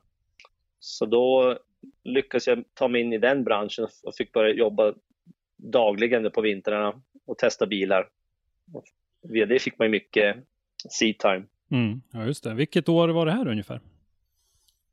90, eh, 92 fick jag jobb för Volvo mm. eh, som testförare. Jag, jag hörde att de var och hade testkörning eh, utanför på ett militärflygfält där utanför Jokkmokk. Så liksom, de höll det väldigt hemligt till där för de jobbade med prototyper. Men det var en, en, eh, en, en snubbe som berättade att han hade jobbat för dem och berättat att, att det skedde där utanför. Så då tänkte jag, hur ska man komma i kontakt med dem där? För det var ett drömjobb. Så då tänkte jag, men jag tog bara fram eh, på den tiden telefonboken och kollade gula sidan, Volvo Sverige, så ringde jag och så sa jag, kan jag få snacka med den som är ansvarig för testning uppe i Norrbotten? Mm. Ja, ja. Här, jag, jag, här skickar jag vidare. Så svarade han, Olle Gunnarsson hette han. Och så, så började jag. Sa bara, hej jag bor lokalt, jag undrar om ni behöver några lokala förare i Jokkmokk? Ja, faktiskt kanske vi behöver det i framtiden här. Så fick jag berätta att jag hade fordonsmekanisk utbildning och jobbade som långtradarchaufför för farsan. Och det var bra kriterier för han, för då visste att man kunde, ja, man visste vart, vart produkterna var i en bil om man säger så. Det var en mm. bra mm. grund. Mm. Tre veckor senare ringde han mig så fick jag åka upp till Kiruna, 25 mil norr om Jokkmokk och träffa honom och så anställde han mig. Mm. Så det gäller, man måste, man måste bara vara på och, och, och liksom, ja, hade jag inte ringt det samtalet så hade jag aldrig fått det jobbet. Nej, precis. Nej, var lite, lite framåt och ta lite egna initiativ sådär. Ja, precis. Mm. Den där testverksamheten där uppe var väl eh, ganska liten då jämfört med vad den har blivit på senare år? Du, jag vet inte hur stor den är nu för tiden, men jag kan tänka mig att absolut, allt har ju vuxit. Men eh, mm. de, de, Volvo testar upp i Kiruna och i Jokkmokk vet jag. Uh, och sen när man var som liten pojk så såg man testbilar komma igenom Jokkmokk och stanna på OK-macken och tanka. Man sprang dit och tittade på dem och tänkte wow, vilket jobb att få betalt att köra bil. Det var liksom en mm. drömjobb. Man kunde bara drömma om en...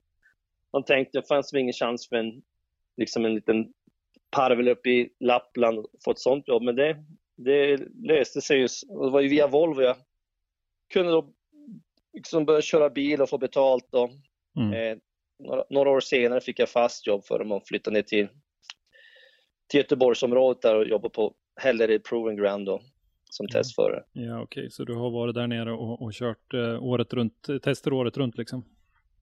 Ja, då, då började jag där nere 95 och jobbade där eh, och, och jobbade även som stundförare, vilket jag började med redan i Jokkmokk och fick köra för reklamfilmer. Ja. Och så är mycket att tack, vara tacksam för Volvo. Kom in ett, eh, vi var ett gäng som startade ett eh, racingteam där också, testförare. Så började köra långlopp, åtta timmars eh, långlopp, men Volvo vi, vi byggde ihop där på provbanan och körde det, så då fick man road racing experience under de åren. Så det var mycket, mycket att vara tacksam för. Jag körde reklamfilm för Volvo under alla dessa år när jag bodde där också. Mm. Ja. Så Ja, det var ju en, en gedigen bakgrund inom, inom den biten då. Det var ett antal år där som du jobbade med det där. Ja, man fick ju otroligt mycket alltså seat time. Man fick ju sex timmar per dag så att man körde bil på olika sätt kan man säga, average. Och många gånger så jobbar man ju övertid på helger så det var ju, det blev ju många timmar per år som man fick eh, ladda ner mycket olika upplevelser, man säger, i kroppen. Så man fick otrolig rutin mm. via att kö- jobba som testförare. För det var ju all, all, all möjlig typ av testning. Från väldigt tråkig körning med husvagnar på testbanor till högfartskörning på autobahn i Tyskland eller, mm. eller ja, vinterkörning uppe i Norrbotten. Och, ja, mm. väldigt, väldigt bra grund. Ja, jag har lite rötter inom bilindustrin själv. Jag jobbade som konstruktör på Scania under några år och där hade vi också provbana i Södertälje då, som Lite, ja. lite, lite involverad har jag varit där, men jag har aldrig suttit och kört några, några tester själv. Nej, vi, vi hade Scania-lastbilar när jag växte upp, farsans åkeri. Så mm. man fick åka med till Södertälje och plocka upp nya bilar. Det var ju drömresan när man var liten pojk. Mm, ja. Hänga med dit. Ja. Eh, men eh, efter Göteborg då så blev det Los Angeles. Ja, då, då då liksom, det rullade på där, man trivdes jättebra, men man, det var som, jag hade alltid en hunger för att, att gå vidare och, och fanns ju en dröm att bli stuntförare i Hollywood och ja, bo i ett varmare klimat och lite som lite, ja, jag drevs för att ha mer möjligheter på olika sätt, hög inkomst och så. Mm. Och eh, alla de där kombinationerna gjorde att jag sa upp mig från Volvo. Äh, först, just det, först tog jag ett sabbatsår, ett, ett år och bara få studera engelska i Kalifornien, bara få känna på det. Jag gjorde det 98 eh, till 99 och sen kom jag tillbaks eh, och så lyckades jag få ett grönkort. Alltså det finns så mycket detaljer att berätta, men jag kom in med, i en racingskola som heter Skip Arbor Racing School när jag var där. Det där året på, på, på, student, på stu, studier, men hade ju inget eh, visa eller så jag kunde inte som riktigt jobba, men jag lärde, jag lärde känna lite folk där. Du hade där student, studentvisa under det året då när du var där? Ja, precis. Mm.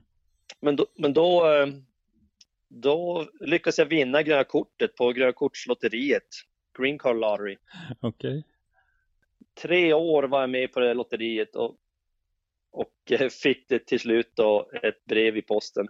Mm. Eh, och fick det och då var ju, man får liksom, man vinner applikationen, alltså det är ändå en väldigt stor process att få själva green card, men eh, lyckades passera alla de här testerna, vilket tog ungefär ett år, fick mitt gröna, gröna kort och då sa jag upp med 2001 och packade min väska, sålde allt och sa hej då till alla och så drog jag mm. till Los Angeles.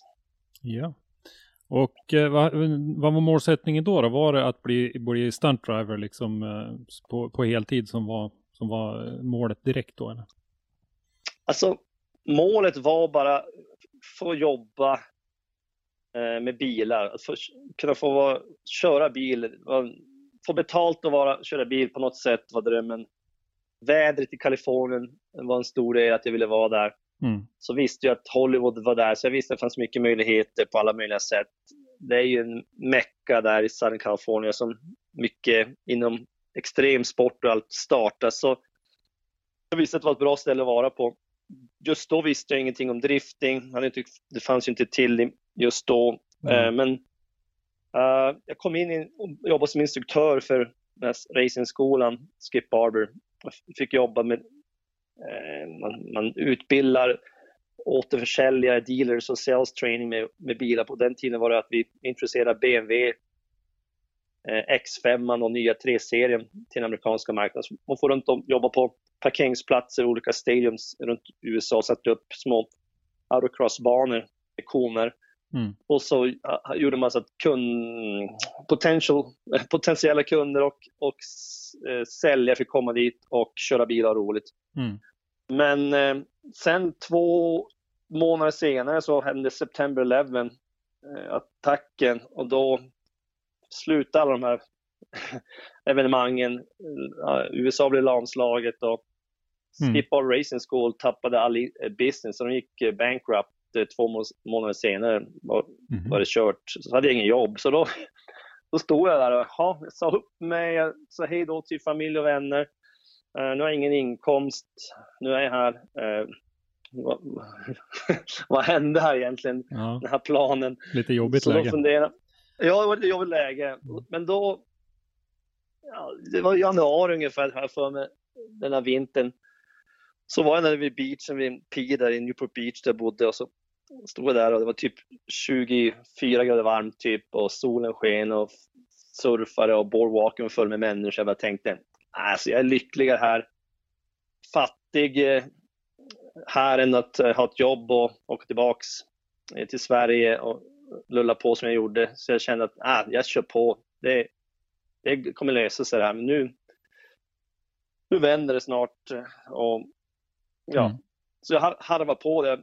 Började sälja bilar, köpa bilar på bilauktion och sälja. Och, ja, man, man hankar på där månad till månad. Mm. Det var mera som... att du gjorde fynd och sådär. Du, du, du ställde dem inte i ordning och, och så, utan det var mera hitta Nej. fynd och sälja vidare bara. Ja, jag kom i kontakt med en kille som hade återförsäljarlicens. Han fick åka in på dealers only auction där bara dealers fick vara återförsäljare. Mm. Så vi fick dem för återförsäljarpriser. Och så sålde vi dem direkt till kund Eh, på det sättet sparar kunden och vi kunde tjäna några, några dollar på det. Mm. Så jag på med det. Men sen kom Skip Barber igen, igång igen, så då började jag göra instruktionsjobb för dem 2002. Och sen 2003 så eh, kom D1 från Japan och introducerade drifting eh, i Los Angeles och gjorde en demonstrationstävling. Och vi började höra om det där. Jag var inte där själv på första demonstrationen de hade, men de var där i Los Angeles på Irvindale. Mm. Och sen fick vi höra att de skulle ha en driver search och skulle göra en till demotävling och ta över sina toppförare från Japan.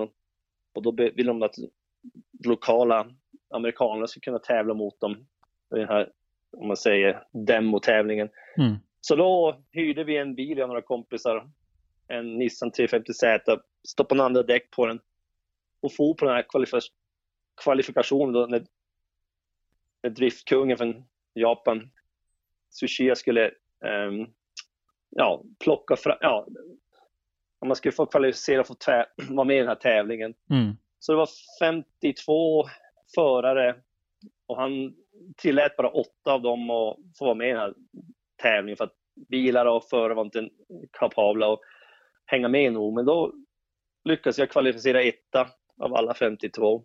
Mm. Och då var det ett gäng grabbar som skulle bygga en bil för en annan kille, men han kvalificerade inte. Så då sa de, men du får köra våran bil istället. Ja, men perfekt.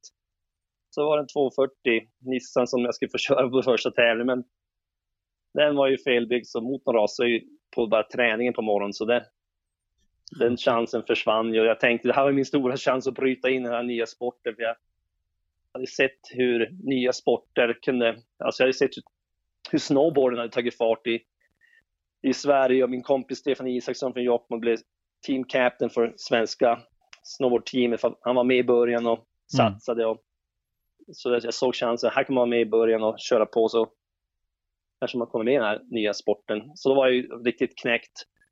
Men då har jag jobbat och börjat få inkomst så efter den här tävlingen så sa jag till en kompis, vi måste ju skaffa egna bilar, rejäla bilar så vi kan demonstrera vad vi kan göra för de här, alltså de här gamla byggena, de, det, ser liksom inte, det går inte att demonstrera kapaciteten vi har. Vi köper en M3 var, sa jag.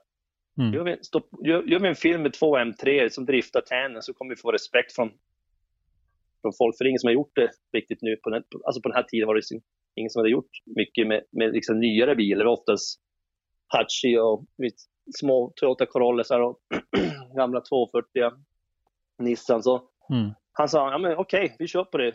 Så då köpte vi en M3 var, E46 och gjorde en eh, video tillsammans. Och den videon visade då vår kapacitet och då fick vi respekt. Då fick vi komma in i ett team var. Och 2004 i februari så kom D1 tillbaka och då, hade de, då startade de sin säsong i Los Angeles för deras serie. Så då var det en riktig tävling. Då skulle de ju köra för poäng. Ja. Och då eh, amerikaner också kvalificera och vara med i den tävlingen. Och då fick jag köra en Toyota Supra och lyckades ta mig upp i topp 10 på den tävlingen. Den enda av de amerikanska killarna som tog mig upp i topp 10. Då var ju Dodge där, Mopar, Mm. och kollade in den nya tävlingen och såg att jag gjorde bra ifrån mig och föll för mig och då hörde de av sig och då fick jag mitt drömjobb. Eh, blev fabriksförare och fick eh, börja köra för dem då som eh, professionell driftare i ett fabriksteam med Dodge. Då. Så det var ju i en Viper, vilket jag aldrig ens suttit i en sån bil.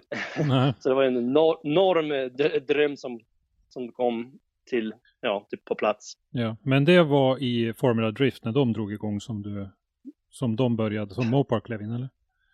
Precis, då Mm. i samma veva så, så startades ju då Formula D eh, i samband med att den här tävlingen var avslutad med D1 då i, i februari och då i april 2004 så körde vi vår första Formula Drift-tävling i eh, Atlanta. Och, eh, eh, och jag vann ju den säsongen då.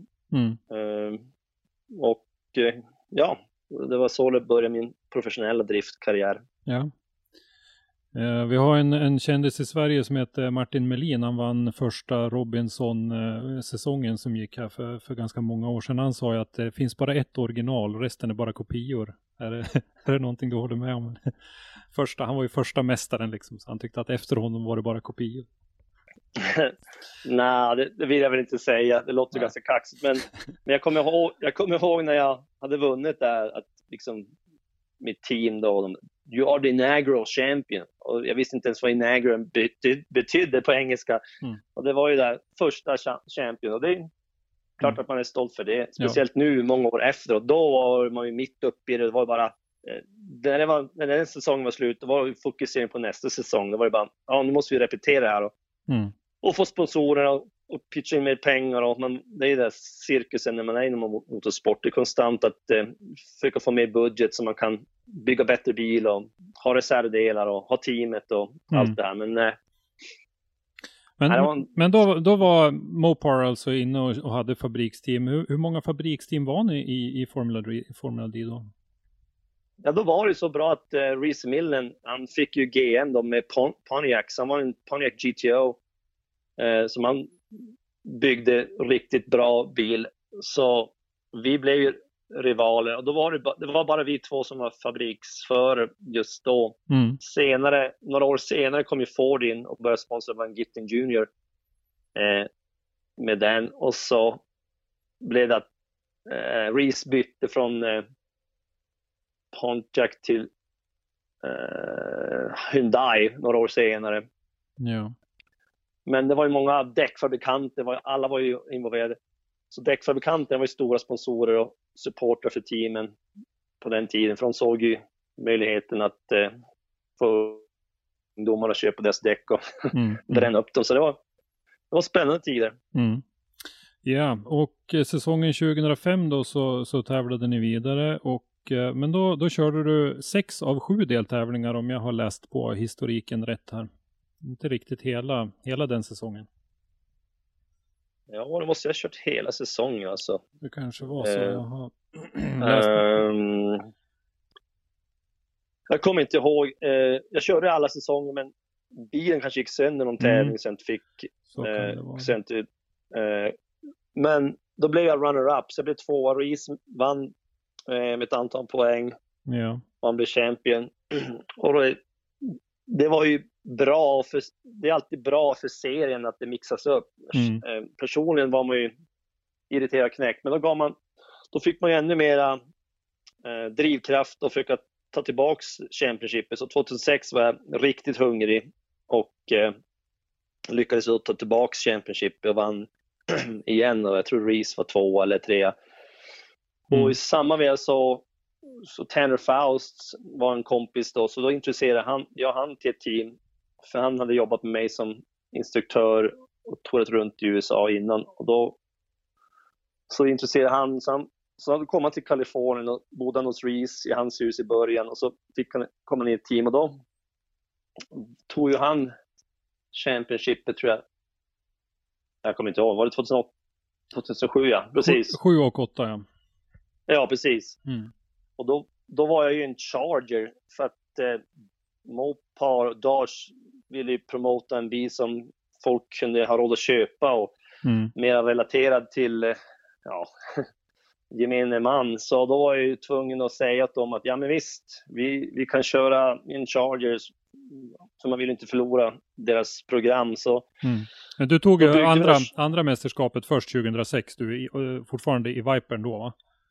Ja, precis. Mm. Så... Men 2007 var jag tvungen att köra den där stora Bamse-chargen. Yeah. Så det var ju, jag visste att det skulle bli svårt, men det var ju att behålla dem och behålla inkomst och ja, momentum. Så mm. vi gjorde, gjorde det 2007, blev femma tror jag i serien det året. Jag vann en tävling tror jag. Eller om jag, jag vet inte, jag kommer inte ihåg. Jag tror jag vann en tävling. Mm. Eh, den där Bamse-bilen. Men eh, Eh, sedan 2008 så fick jag hoppa tillbaks till Vipern. De insåg att det var ju, de ville hellre ha ett Championship och kunna prata om det än att pr promota den där bilen. Mm. Så ja, då kom vi tillbaks till Vipern i några år tills eh, jag då själv tog över teamet och byggde en Challenger för de sista två åren, 2010-2011. Ja. Och eh, då hade Tanner som sagt, han tog eh, 7 och 8 där. Chris Forsberg eh, vann 2009. Då var det Nissan som dominerade några år där. Hur, hur lät det där borta i USA då när, när Nissan kom in och dominerade på, på deras hemmamarknad? Liksom? Ja, alltså det var ju självklart var det, det var ju så att de byggde, då, Tanner fick ju bygga en Scion, eh, framhjulsdriven bil, så fick han konvertera den till en bakhjulsdriven. Och så fick han stoppa i en V8 i den. Så det var ju, det var liksom väldigt eh, speciellt bygge. Så självklart tyckte man själv att det var väldigt eh, aggressivt bygge. Och vi vet att de flyttade eh, firewallen och grejer, men FD ville nog inte se det, för de Sign var en stor sponsor och Rockstar också. Mm. Så det var, det var jobbigt. Eh, man tyckte det var ett fuskbygge, men eh, han är otroligt duktig förare, men bilen var svårklodd då. Men eh, det var bara att gilla läget och köra på.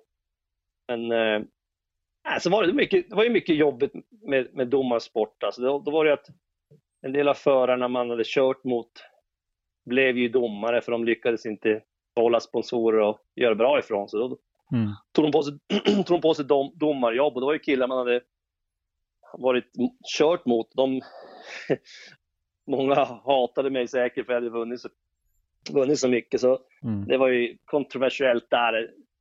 Eh, liksom, eh, domare som var roommates med en av förarna och Mm. man liksom tyckte att det här, så här kan det inte vara. Det är klart att han ska, han kan inte, det är svårt för honom att inte döma positivt till hans bästa polare. Så Mm. det, det, var, det var mycket sånt som gjorde att jag och mina sponsorer tappade, tappade lusten.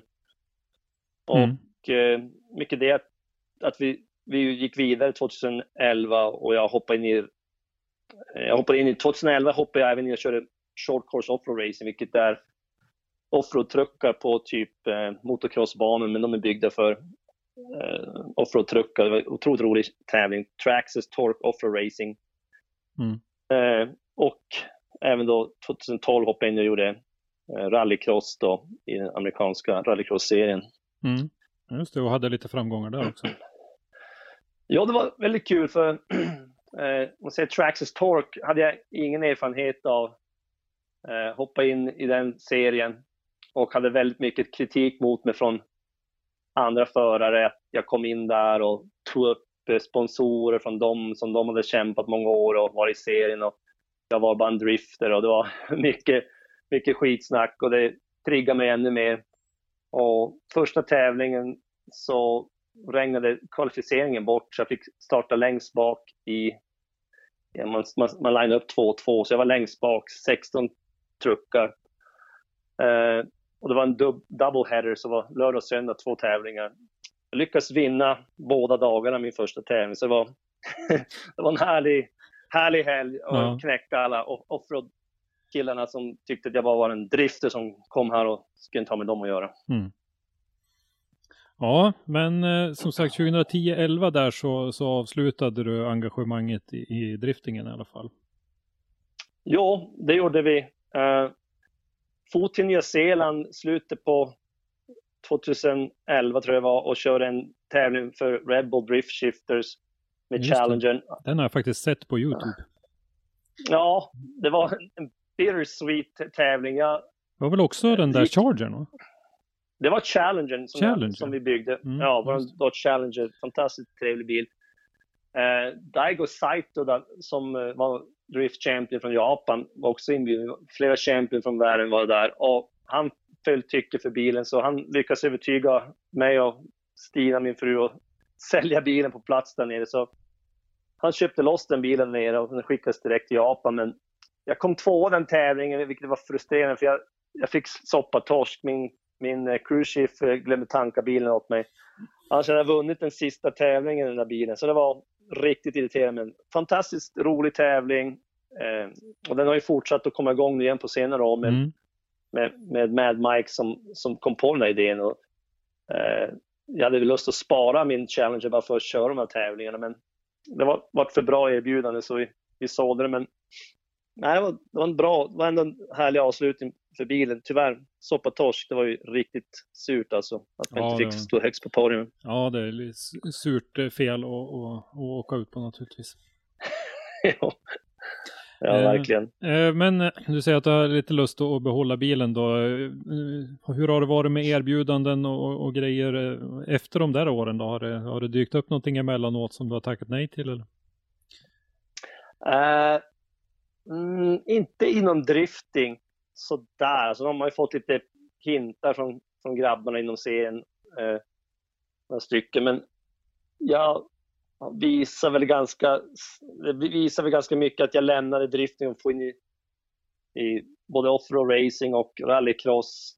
Och det, det visar säkert hur, hur, hur eh, glad jag var att köra rallycross. Det tycker jag var otroligt roligt. Tyvärr så jag körde för Per Eklund, svenska gamla rallykungen. Mm.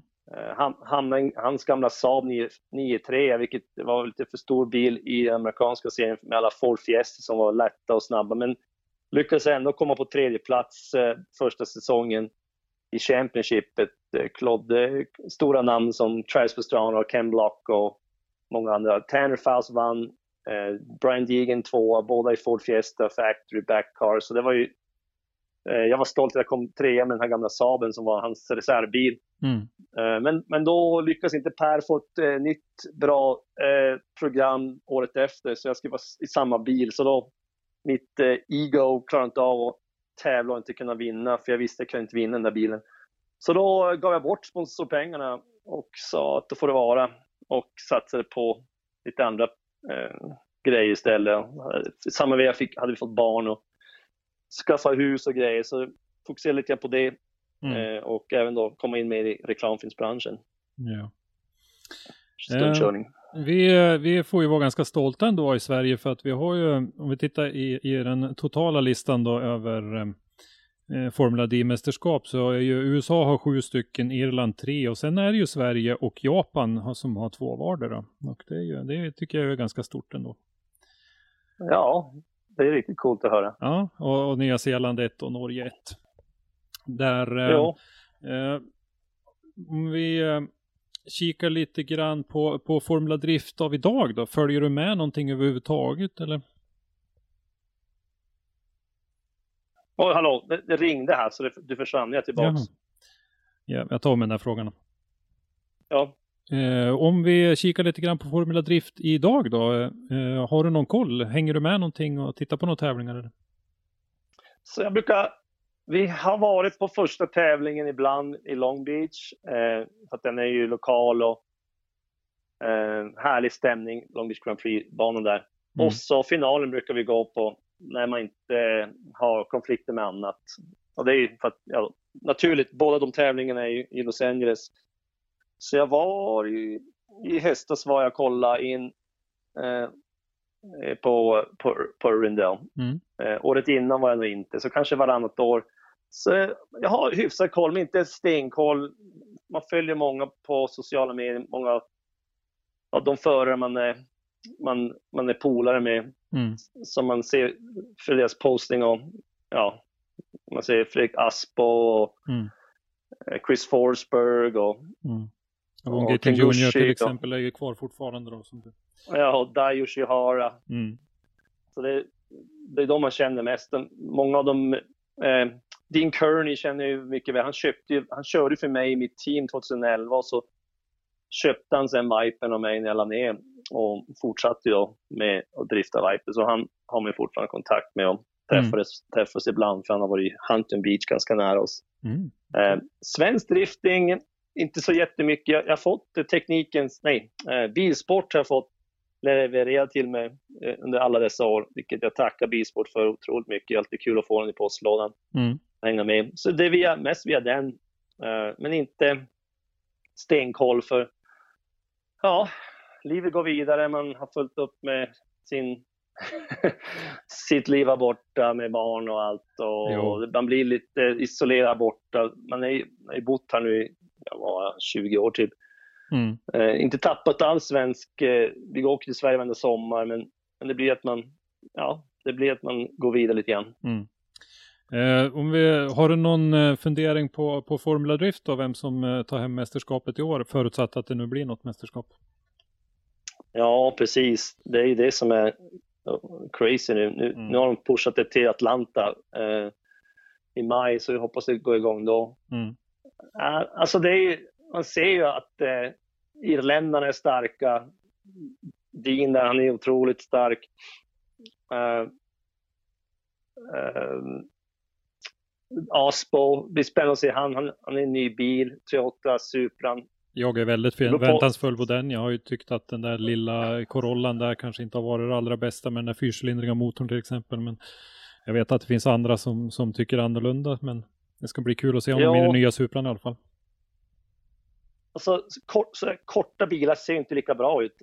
Alltså, det, ser inte, det ser som så stubbigt ut. Alltså. Mm. Det är svårt att få en ser, lite, ser lika bra ut. Men faktum är att han har gjort otroligt bra i den här lilla bilen. Det är att mm, ja, den är så liten och lätt.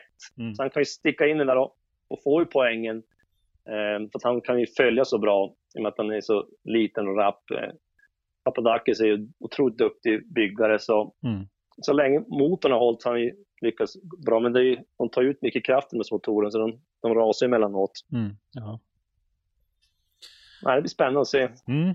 Ja, nej, jag håller en extra tumme för, för Åsberg i år. Jag tror att det är hans år. Det är, eh, han har varit riktigt, riktigt nära ett par säsonger här nu så med, med en ny bil och jag tror ju att eh, Papadakis som sagt jätteduktig fabrikör så där så jag tror att han eh, får den där att funka. Det brukar inte vara så mycket barnsjukdomar när, när han är i farten så att jag tror att det kommer att gå hem.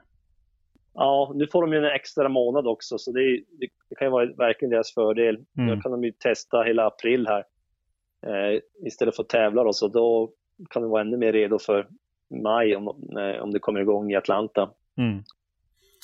Uh, och driftingen i Sverige säger du, den har du inte så bra koll på. Det är lite grann genom tidning och sådär och det är ju fullt förståeligt. Vi på Driftzone sänder ju svenska mästerskapet som uh, livestream har gjort under några säsonger nu så att det finns ju möjlighet om man har tid och möjlighet att titta på det naturligtvis. Uh, jo, vi, eh, vi har ju lite, det svenska mästerskapet nu har ju svårt att locka eh, de stora mängderna med förare sådär. Och, eh, Eh, nu har du inte hängt med så mycket, men jag tänkte, har, har, du någon teori om varför du tror att det har blivit så? En, en del har ju lite teorier om att vi, vi bygger nästan för bra bilar, vi lägger för mycket resurser och bygger Formula D-spesade bilar i princip och sen har vi inte råd att, att köra dem så vi får inte den här, all den här sätestiden man, man kan behöva. Är, är det någonting du har eh, reflekterat över eller? Ja, alltså det, det, är det, det är det min första tanke är. Man, man satsar så mycket pengar och bygga bilarna så bra och så ofta så har man inte råd att testa så mycket heller, för det kostar mycket att testa. Och så vill man inte riskera att, att, att köra bilen för mycket ifall man eh, sönder grejer som man liksom inte har råd att fullfölja säsongen. Så det är mycket troligt är det. det. Det var ju så vi hade i USA också i början. Det var ju, det var ju mycket växtverk eh, för många team. Jag hade ju fördelen att ha hyfsat bra med eh, budget på den tiden, så det var en fördel för mig. Men sen kom ju, kom ju alla igång och och då drog det iväg. Och nu är det ju liksom otroligt extremt här i USA. Det är fortfarande inte så mycket pengar involverat. Mycket för att de tappar ju TV. Här i USA, om vi går tillbaka, de tappar ju eh, vi tappar ju driften från TV. När vi hade på TV var det mer mediavärde. Eh, nu i och för sig så kommer ju, har ju internet byggt upp mycket mer mediavärde. Så folk eh, förstår ju att det är otroligt värde där också. Men, mm. men här i USA var det ju att nej, hade de inte på tv så var det inte lika intressant. Men det här är ju mera 7-8 år sedan, 10 år sedan när, när var min, min peak. Men mm. jag tror det är svårt, eh, Sverige med ett litet land. Det är ju dyrt med motorsport. Jag, jag är imponerad att, att så många har råd att göra det. Med, ja. med tanke på vad det kostar. Alltså det är, man skulle kunna leva på det också. Det är ju få som kan göra det. det kanske ingen som gör det i Sverige, jag vet inte. Eh, man vill ju kunna leva, leva och få, in, få lön för mödan också. Mm. Ja, nej, det är, eh, det är inte alldeles lätt. Eh, det exemplet vi hade på en proffsförare var Jim Olofsson som körde tre serier 2018. Då var han med i Driftmasters European Championship och så körde han SM och Eh, Gatubil Drift Series då, som är ju en nordisk serie. Och då, då körde han på heltid under ett halvår där. Men eh, då hade han ett gäng eh, stora sponsorer som, som hjälpte till att dra runt det där. Simpson säkerhetsprodukter bland annat som, som hjälpte till och det, det var en, en jättesatsning. Men i övrigt så har vi nog inte sett några. Alltså det är ju, man, måste, man måste ju ha en balans där för man måste ju alltid tänka om du har ja, vad säger jag, om du har två miljoner kronor i budget så kan man inte bränna den på en säsong. Du måste ju alltid bygga upp buffert för framtiden. Så eh, det gäller ju att, välja vilka evenemang man ska göra, vart, vart värdet är för sponsorerna. Mm. Eh, så det är svårt det där. Och här i USA är det ju enorma distanser i det här landet. Att bara dra över teamet från eh, västkusten till östkusten och tävla är, ju drygt 10 000 dollar bara i flyga, flyga din personal och truck och trailer som ska dra, köra fem dagar över hela landet. Så det, mm. det drar fort iväg. Ja, ja, det gör det. Och vi har ju inte haft någon som har eh, provat på det borta i Formula D på några år heller. Eh, jag kommer inte ihåg, det måste väl vara Mikael Svensson, Micke Wunderbaum som var senast som var där och körde Pro 2. Mm. Ja, precis. Mm. Men det, det, är några år sedan också. Vi får väl se om vi jo. lyckas eh, få, få fram några bra förare så att vi får någon som kan uh, ha, åtminstone ha chansen att upprepa det, det, du gjorde då för 15 år sedan. Är, är det det som är målet för många tror du? Ja, ja det, det, tror jag faktiskt att det är. I alla fall när vi frågar om. Vi intervjuar ju väldigt mycket förare i olika sammanhang, både under, under off-season, eh, gör eh, textreportage till vår webbsida och vi gör även en hel del videoreportage och eh, intervjuar under de här livestreamsen och det, det, är faktiskt en hel del som säger att jo men det, är, det är målet att komma dit bort. Och sen kan man tycka då att satsningarna inte riktigt eh, harmonerar med det man säger, men, men eh, man säger i alla fall att det är målet. Ja, precis det är självklart att det attraherar mm. köra in för 10 000 pers och få åka runt i USA. Det är, det är en upplevelse bara det. Mm. Eh, men som sagt var, det är enorma kostnader så då behövs det stor budget. Mm. Det gör det. Eh, men eh, då lämnade du i alla fall motorsporten till slut och, och satsade mer. Du hade kommit in lite grann sa du på det där med att göra lite reklamfilmer då? Jo, jag kom in i reklamfilmsbranschen redan 2005 eh, och började köra för eh, Chrysler Dodge eh, reklamfilm här och där. Men i och med att man var kontraktad eh, driftingförare så kunde man inte alltid säga ja, för då hade de olika eh, evenemang man var tvungen att göra för dem under årets gång. Men man, man fortsatte göra det under alla, alla åren där medan jag gjorde motorsport och hade då tanken att när det här motorsporten där ute, då kan jag falla in i det här och, och satsa på det. Men då, en sidosticka som hände var att jag blev involverad med ett bergvärmeföretag, Movitech från Borås, mm. eh, som, som, som skulle satsa i USA och sälja deras eh, plaströr för bergvärme. Mm. Eh, och det var... Så det tog mig på en liten sido sido... Eh, ja, ett, något år så satsade jag på det här. Jag hjälpte dem etablera en fabrik här i USA. Mm. Någonting som inte hade med bilar att göra alls då?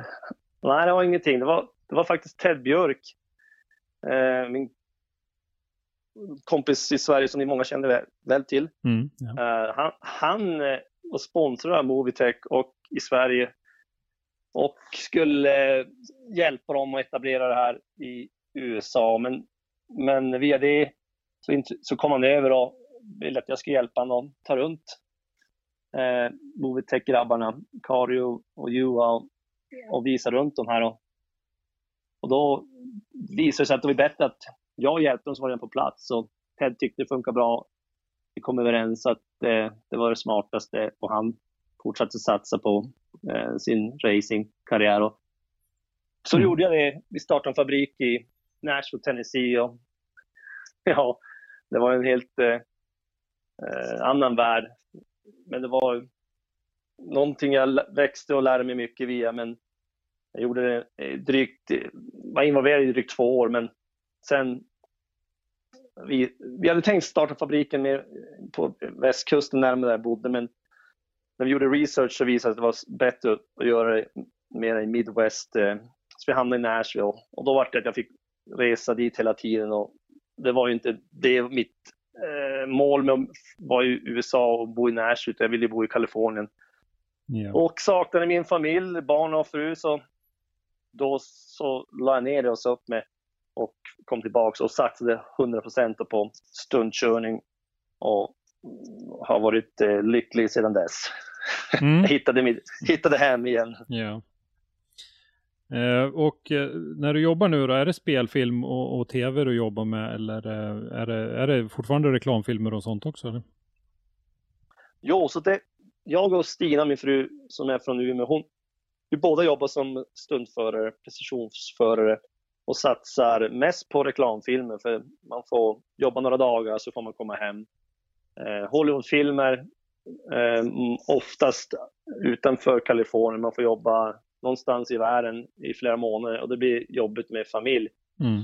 Så jag gör typ en, kanske en Hollywood, en, alltså en stor eh, Hollywood production, alltså en stor vanlig film, eh, kanske en eller två gånger per år när det är någon biljaktscener som bara tar några veck, någon vecka eller två. Så då brukar jag, ja, så det, det är roligt att mixa upp det. Så jag gjorde Fast and Furious 9 förra året.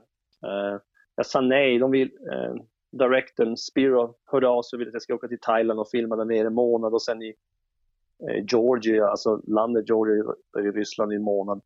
Men det kände jag inte för att göras. Men då fick jag vara med och spela in här i Los Angeles.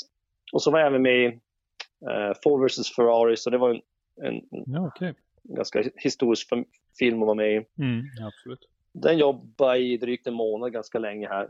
Eh, körde en av racing, olika racingbilar i scenen. Jag är, faktiskt i filmen, man ser mig i scenen när eh, Christian Bale kastar en, eh, ett verktyg i pitten när han, när han blir stoppad och får inte racea för att hans eh, bagagelucka inte stänger. Då ser man mig i bakgrunden och spelar en, en eh, racingförare i ett annat team där, så det var min stora. Ditt stora Hollywood. Hollywood-break. Exakt, men Mm. ingen har ringt mig efter det och, Ja. och vill att jag ska visa mitt ansikte. Men det var, det var kul att visa barnen i alla fall. Ja. ja, det förstår jag absolut. Eh, och det, hur, i, vilken form driver du eget då? Så att ni två tillsammans eh, driver eget företag och- inom det där eller är ni anställda av någon, något större? Eller?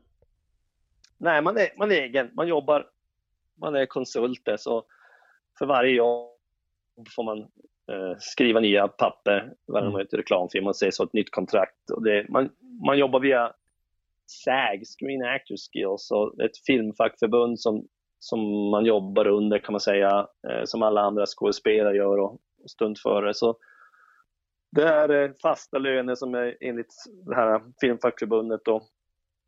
Eh, så det funkar, så det är ganska smidigt på det sättet. Ehm, vi har ju skap, alltså vi har ju Hybernett Stunts, eh, vårt eget varumärke, men vi är även vi är med i ett eh, stuntteam som heter LA Motorsports, som är en grupp av olika stuntförare, eh, man säger stuntmän, stuntwomen. Eh, så vi ger varandra jobb fram och tillbaks. Det är mer det det bygger på. Men alla individuellt får sina jobb, men då om jag får ett jobb, eh, att säga, och de krä- säger ja vi behöver fem förare, då säger man när producenten ringer, ja men jag kan fixa de andra fyra. Ja men kanon, då slipper jag göra det. Så ger man dem jobb då, så nästa gång eh, ger de mig jobb. För Mm. då kanske de får ett jobb som kräver några fler förare. Så man, det är så man, det där teamet bas- baseras på. Mm, ja. Ja. ja, och det, det trivs ni bra med? Ja, vi trivs kanon. Man får köra bil på olika platser, eh, på vackra ställen och olika bilar.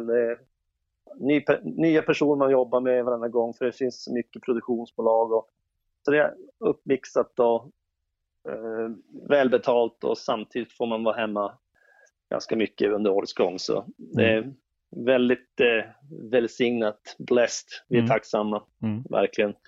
Eh, Du har nämnt eh, hustrun Stina lite grann. Ni har barn också. Hur många har ni? Vi har tre, tre barn. Mm. Eh, Stella, Sidney och Sebastian. De är nu... Nyss var de eh, 6, 7, 8 men Stella fyller precis 9. Så nu har vi en 9, 8-åring och 6-årig liten Mm. pojkspoling. Ja. Så nej, det är kul. Mm. Och eh, du sa, nämnde tidigare lite kort att ni, ni behåller kontakten med Sverige och ni brukar vara hemma här på somrarna lite grann och sådär i alla fall. Jo, vi åker varje sommar en månad. Eh, eh, vi har ju våra, våra föräldrar uppe i Umeå. Både mina och Stinas föräldrar. och De bor bara 10 minuter från varandra, så det är väldigt perfekt. Så vi flyger dit och så hänger vi där och så brukar vi hyra en husbil och kuska runt kring Stockholm eller ja, till Öland vi varit och Gotland och lite varstans. Så Mm. alltid härligt att komma till Sverige. Eh, vi är ju båda, ja, jag var ju 30 år när jag flyttade, så man är, man är helt svensk, men man, man bor här och, och tar, tar del av det goda med USA, vilket har mycket tokerier, men mycket gott också. Så ja, vi har lite av båda, båda världar. Kanske köper en sommarstuga framöver i Sverige någonstans, så man har ett ställe och, och liksom mera åka till varenda, varenda gång. Men just nu Mm. funkar det bra. Vi bor hos Stinas föräldrar i deras hus någon vecka på somrarna. Ja, och så härligt att njuta av Sverige när Sverige är som bäst också.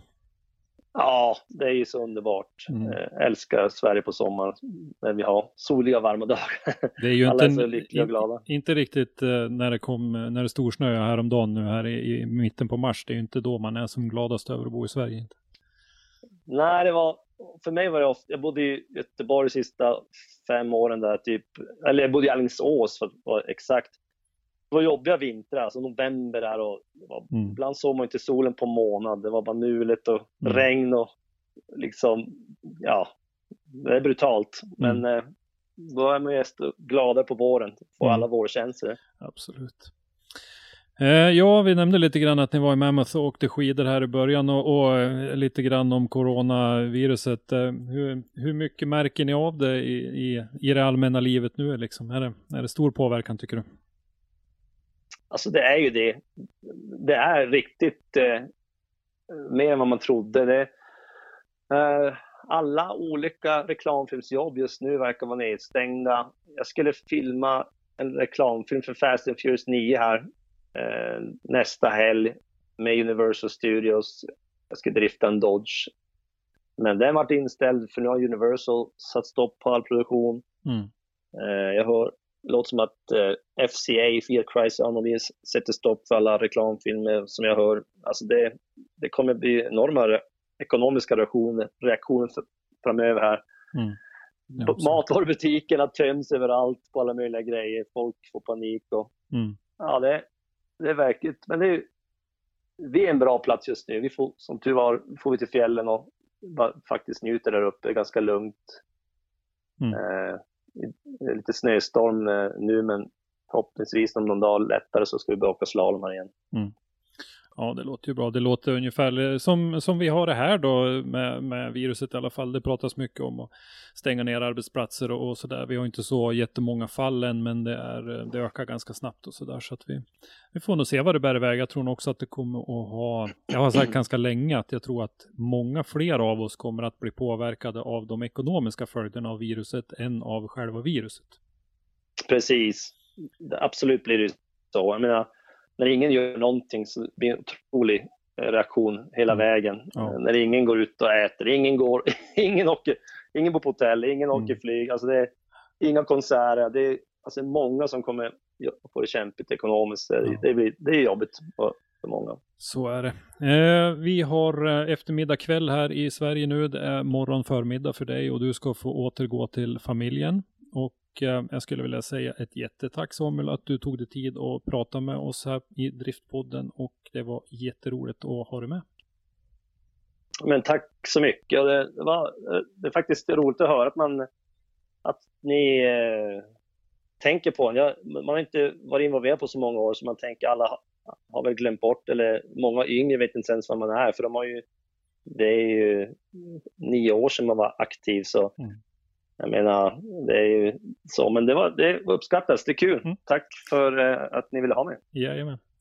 Så säger vi tack så mycket. Okej, hej hej. Då så. Då har ni alltså hört intervjun med Samuel Hubinett som då min gode vän och kollega Christer Hägglund gjorde. Jag hoppas att ni tyckte den var lika intressant som jag tyckte. Ta hand om er där ute så hörs vi nästa gång. Hej då! Hej då. Hej då!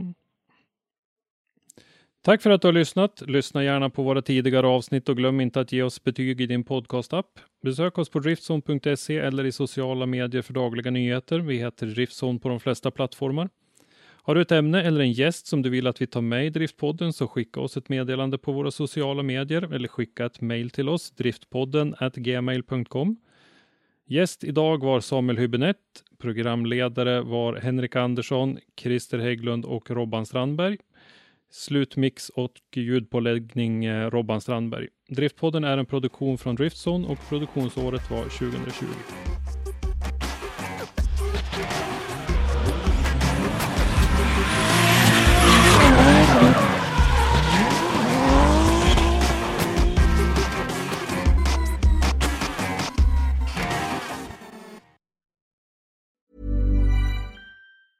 Mom deserves the best, and there's no better place to shop for Mother's Day than Whole Foods Market. They're your destination for unbeatable savings, from premium gifts to show-stopping flowers and irresistible desserts. Start by saving 33% with Prime on all body care and candles. Then get a 15-stem bunch of tulips for just $9.99 each with Prime. Round out Mom's menu with festive rosé, irresistible berry chantilly cake, and more special treats. Come celebrate Mother's Day at Whole Foods Market.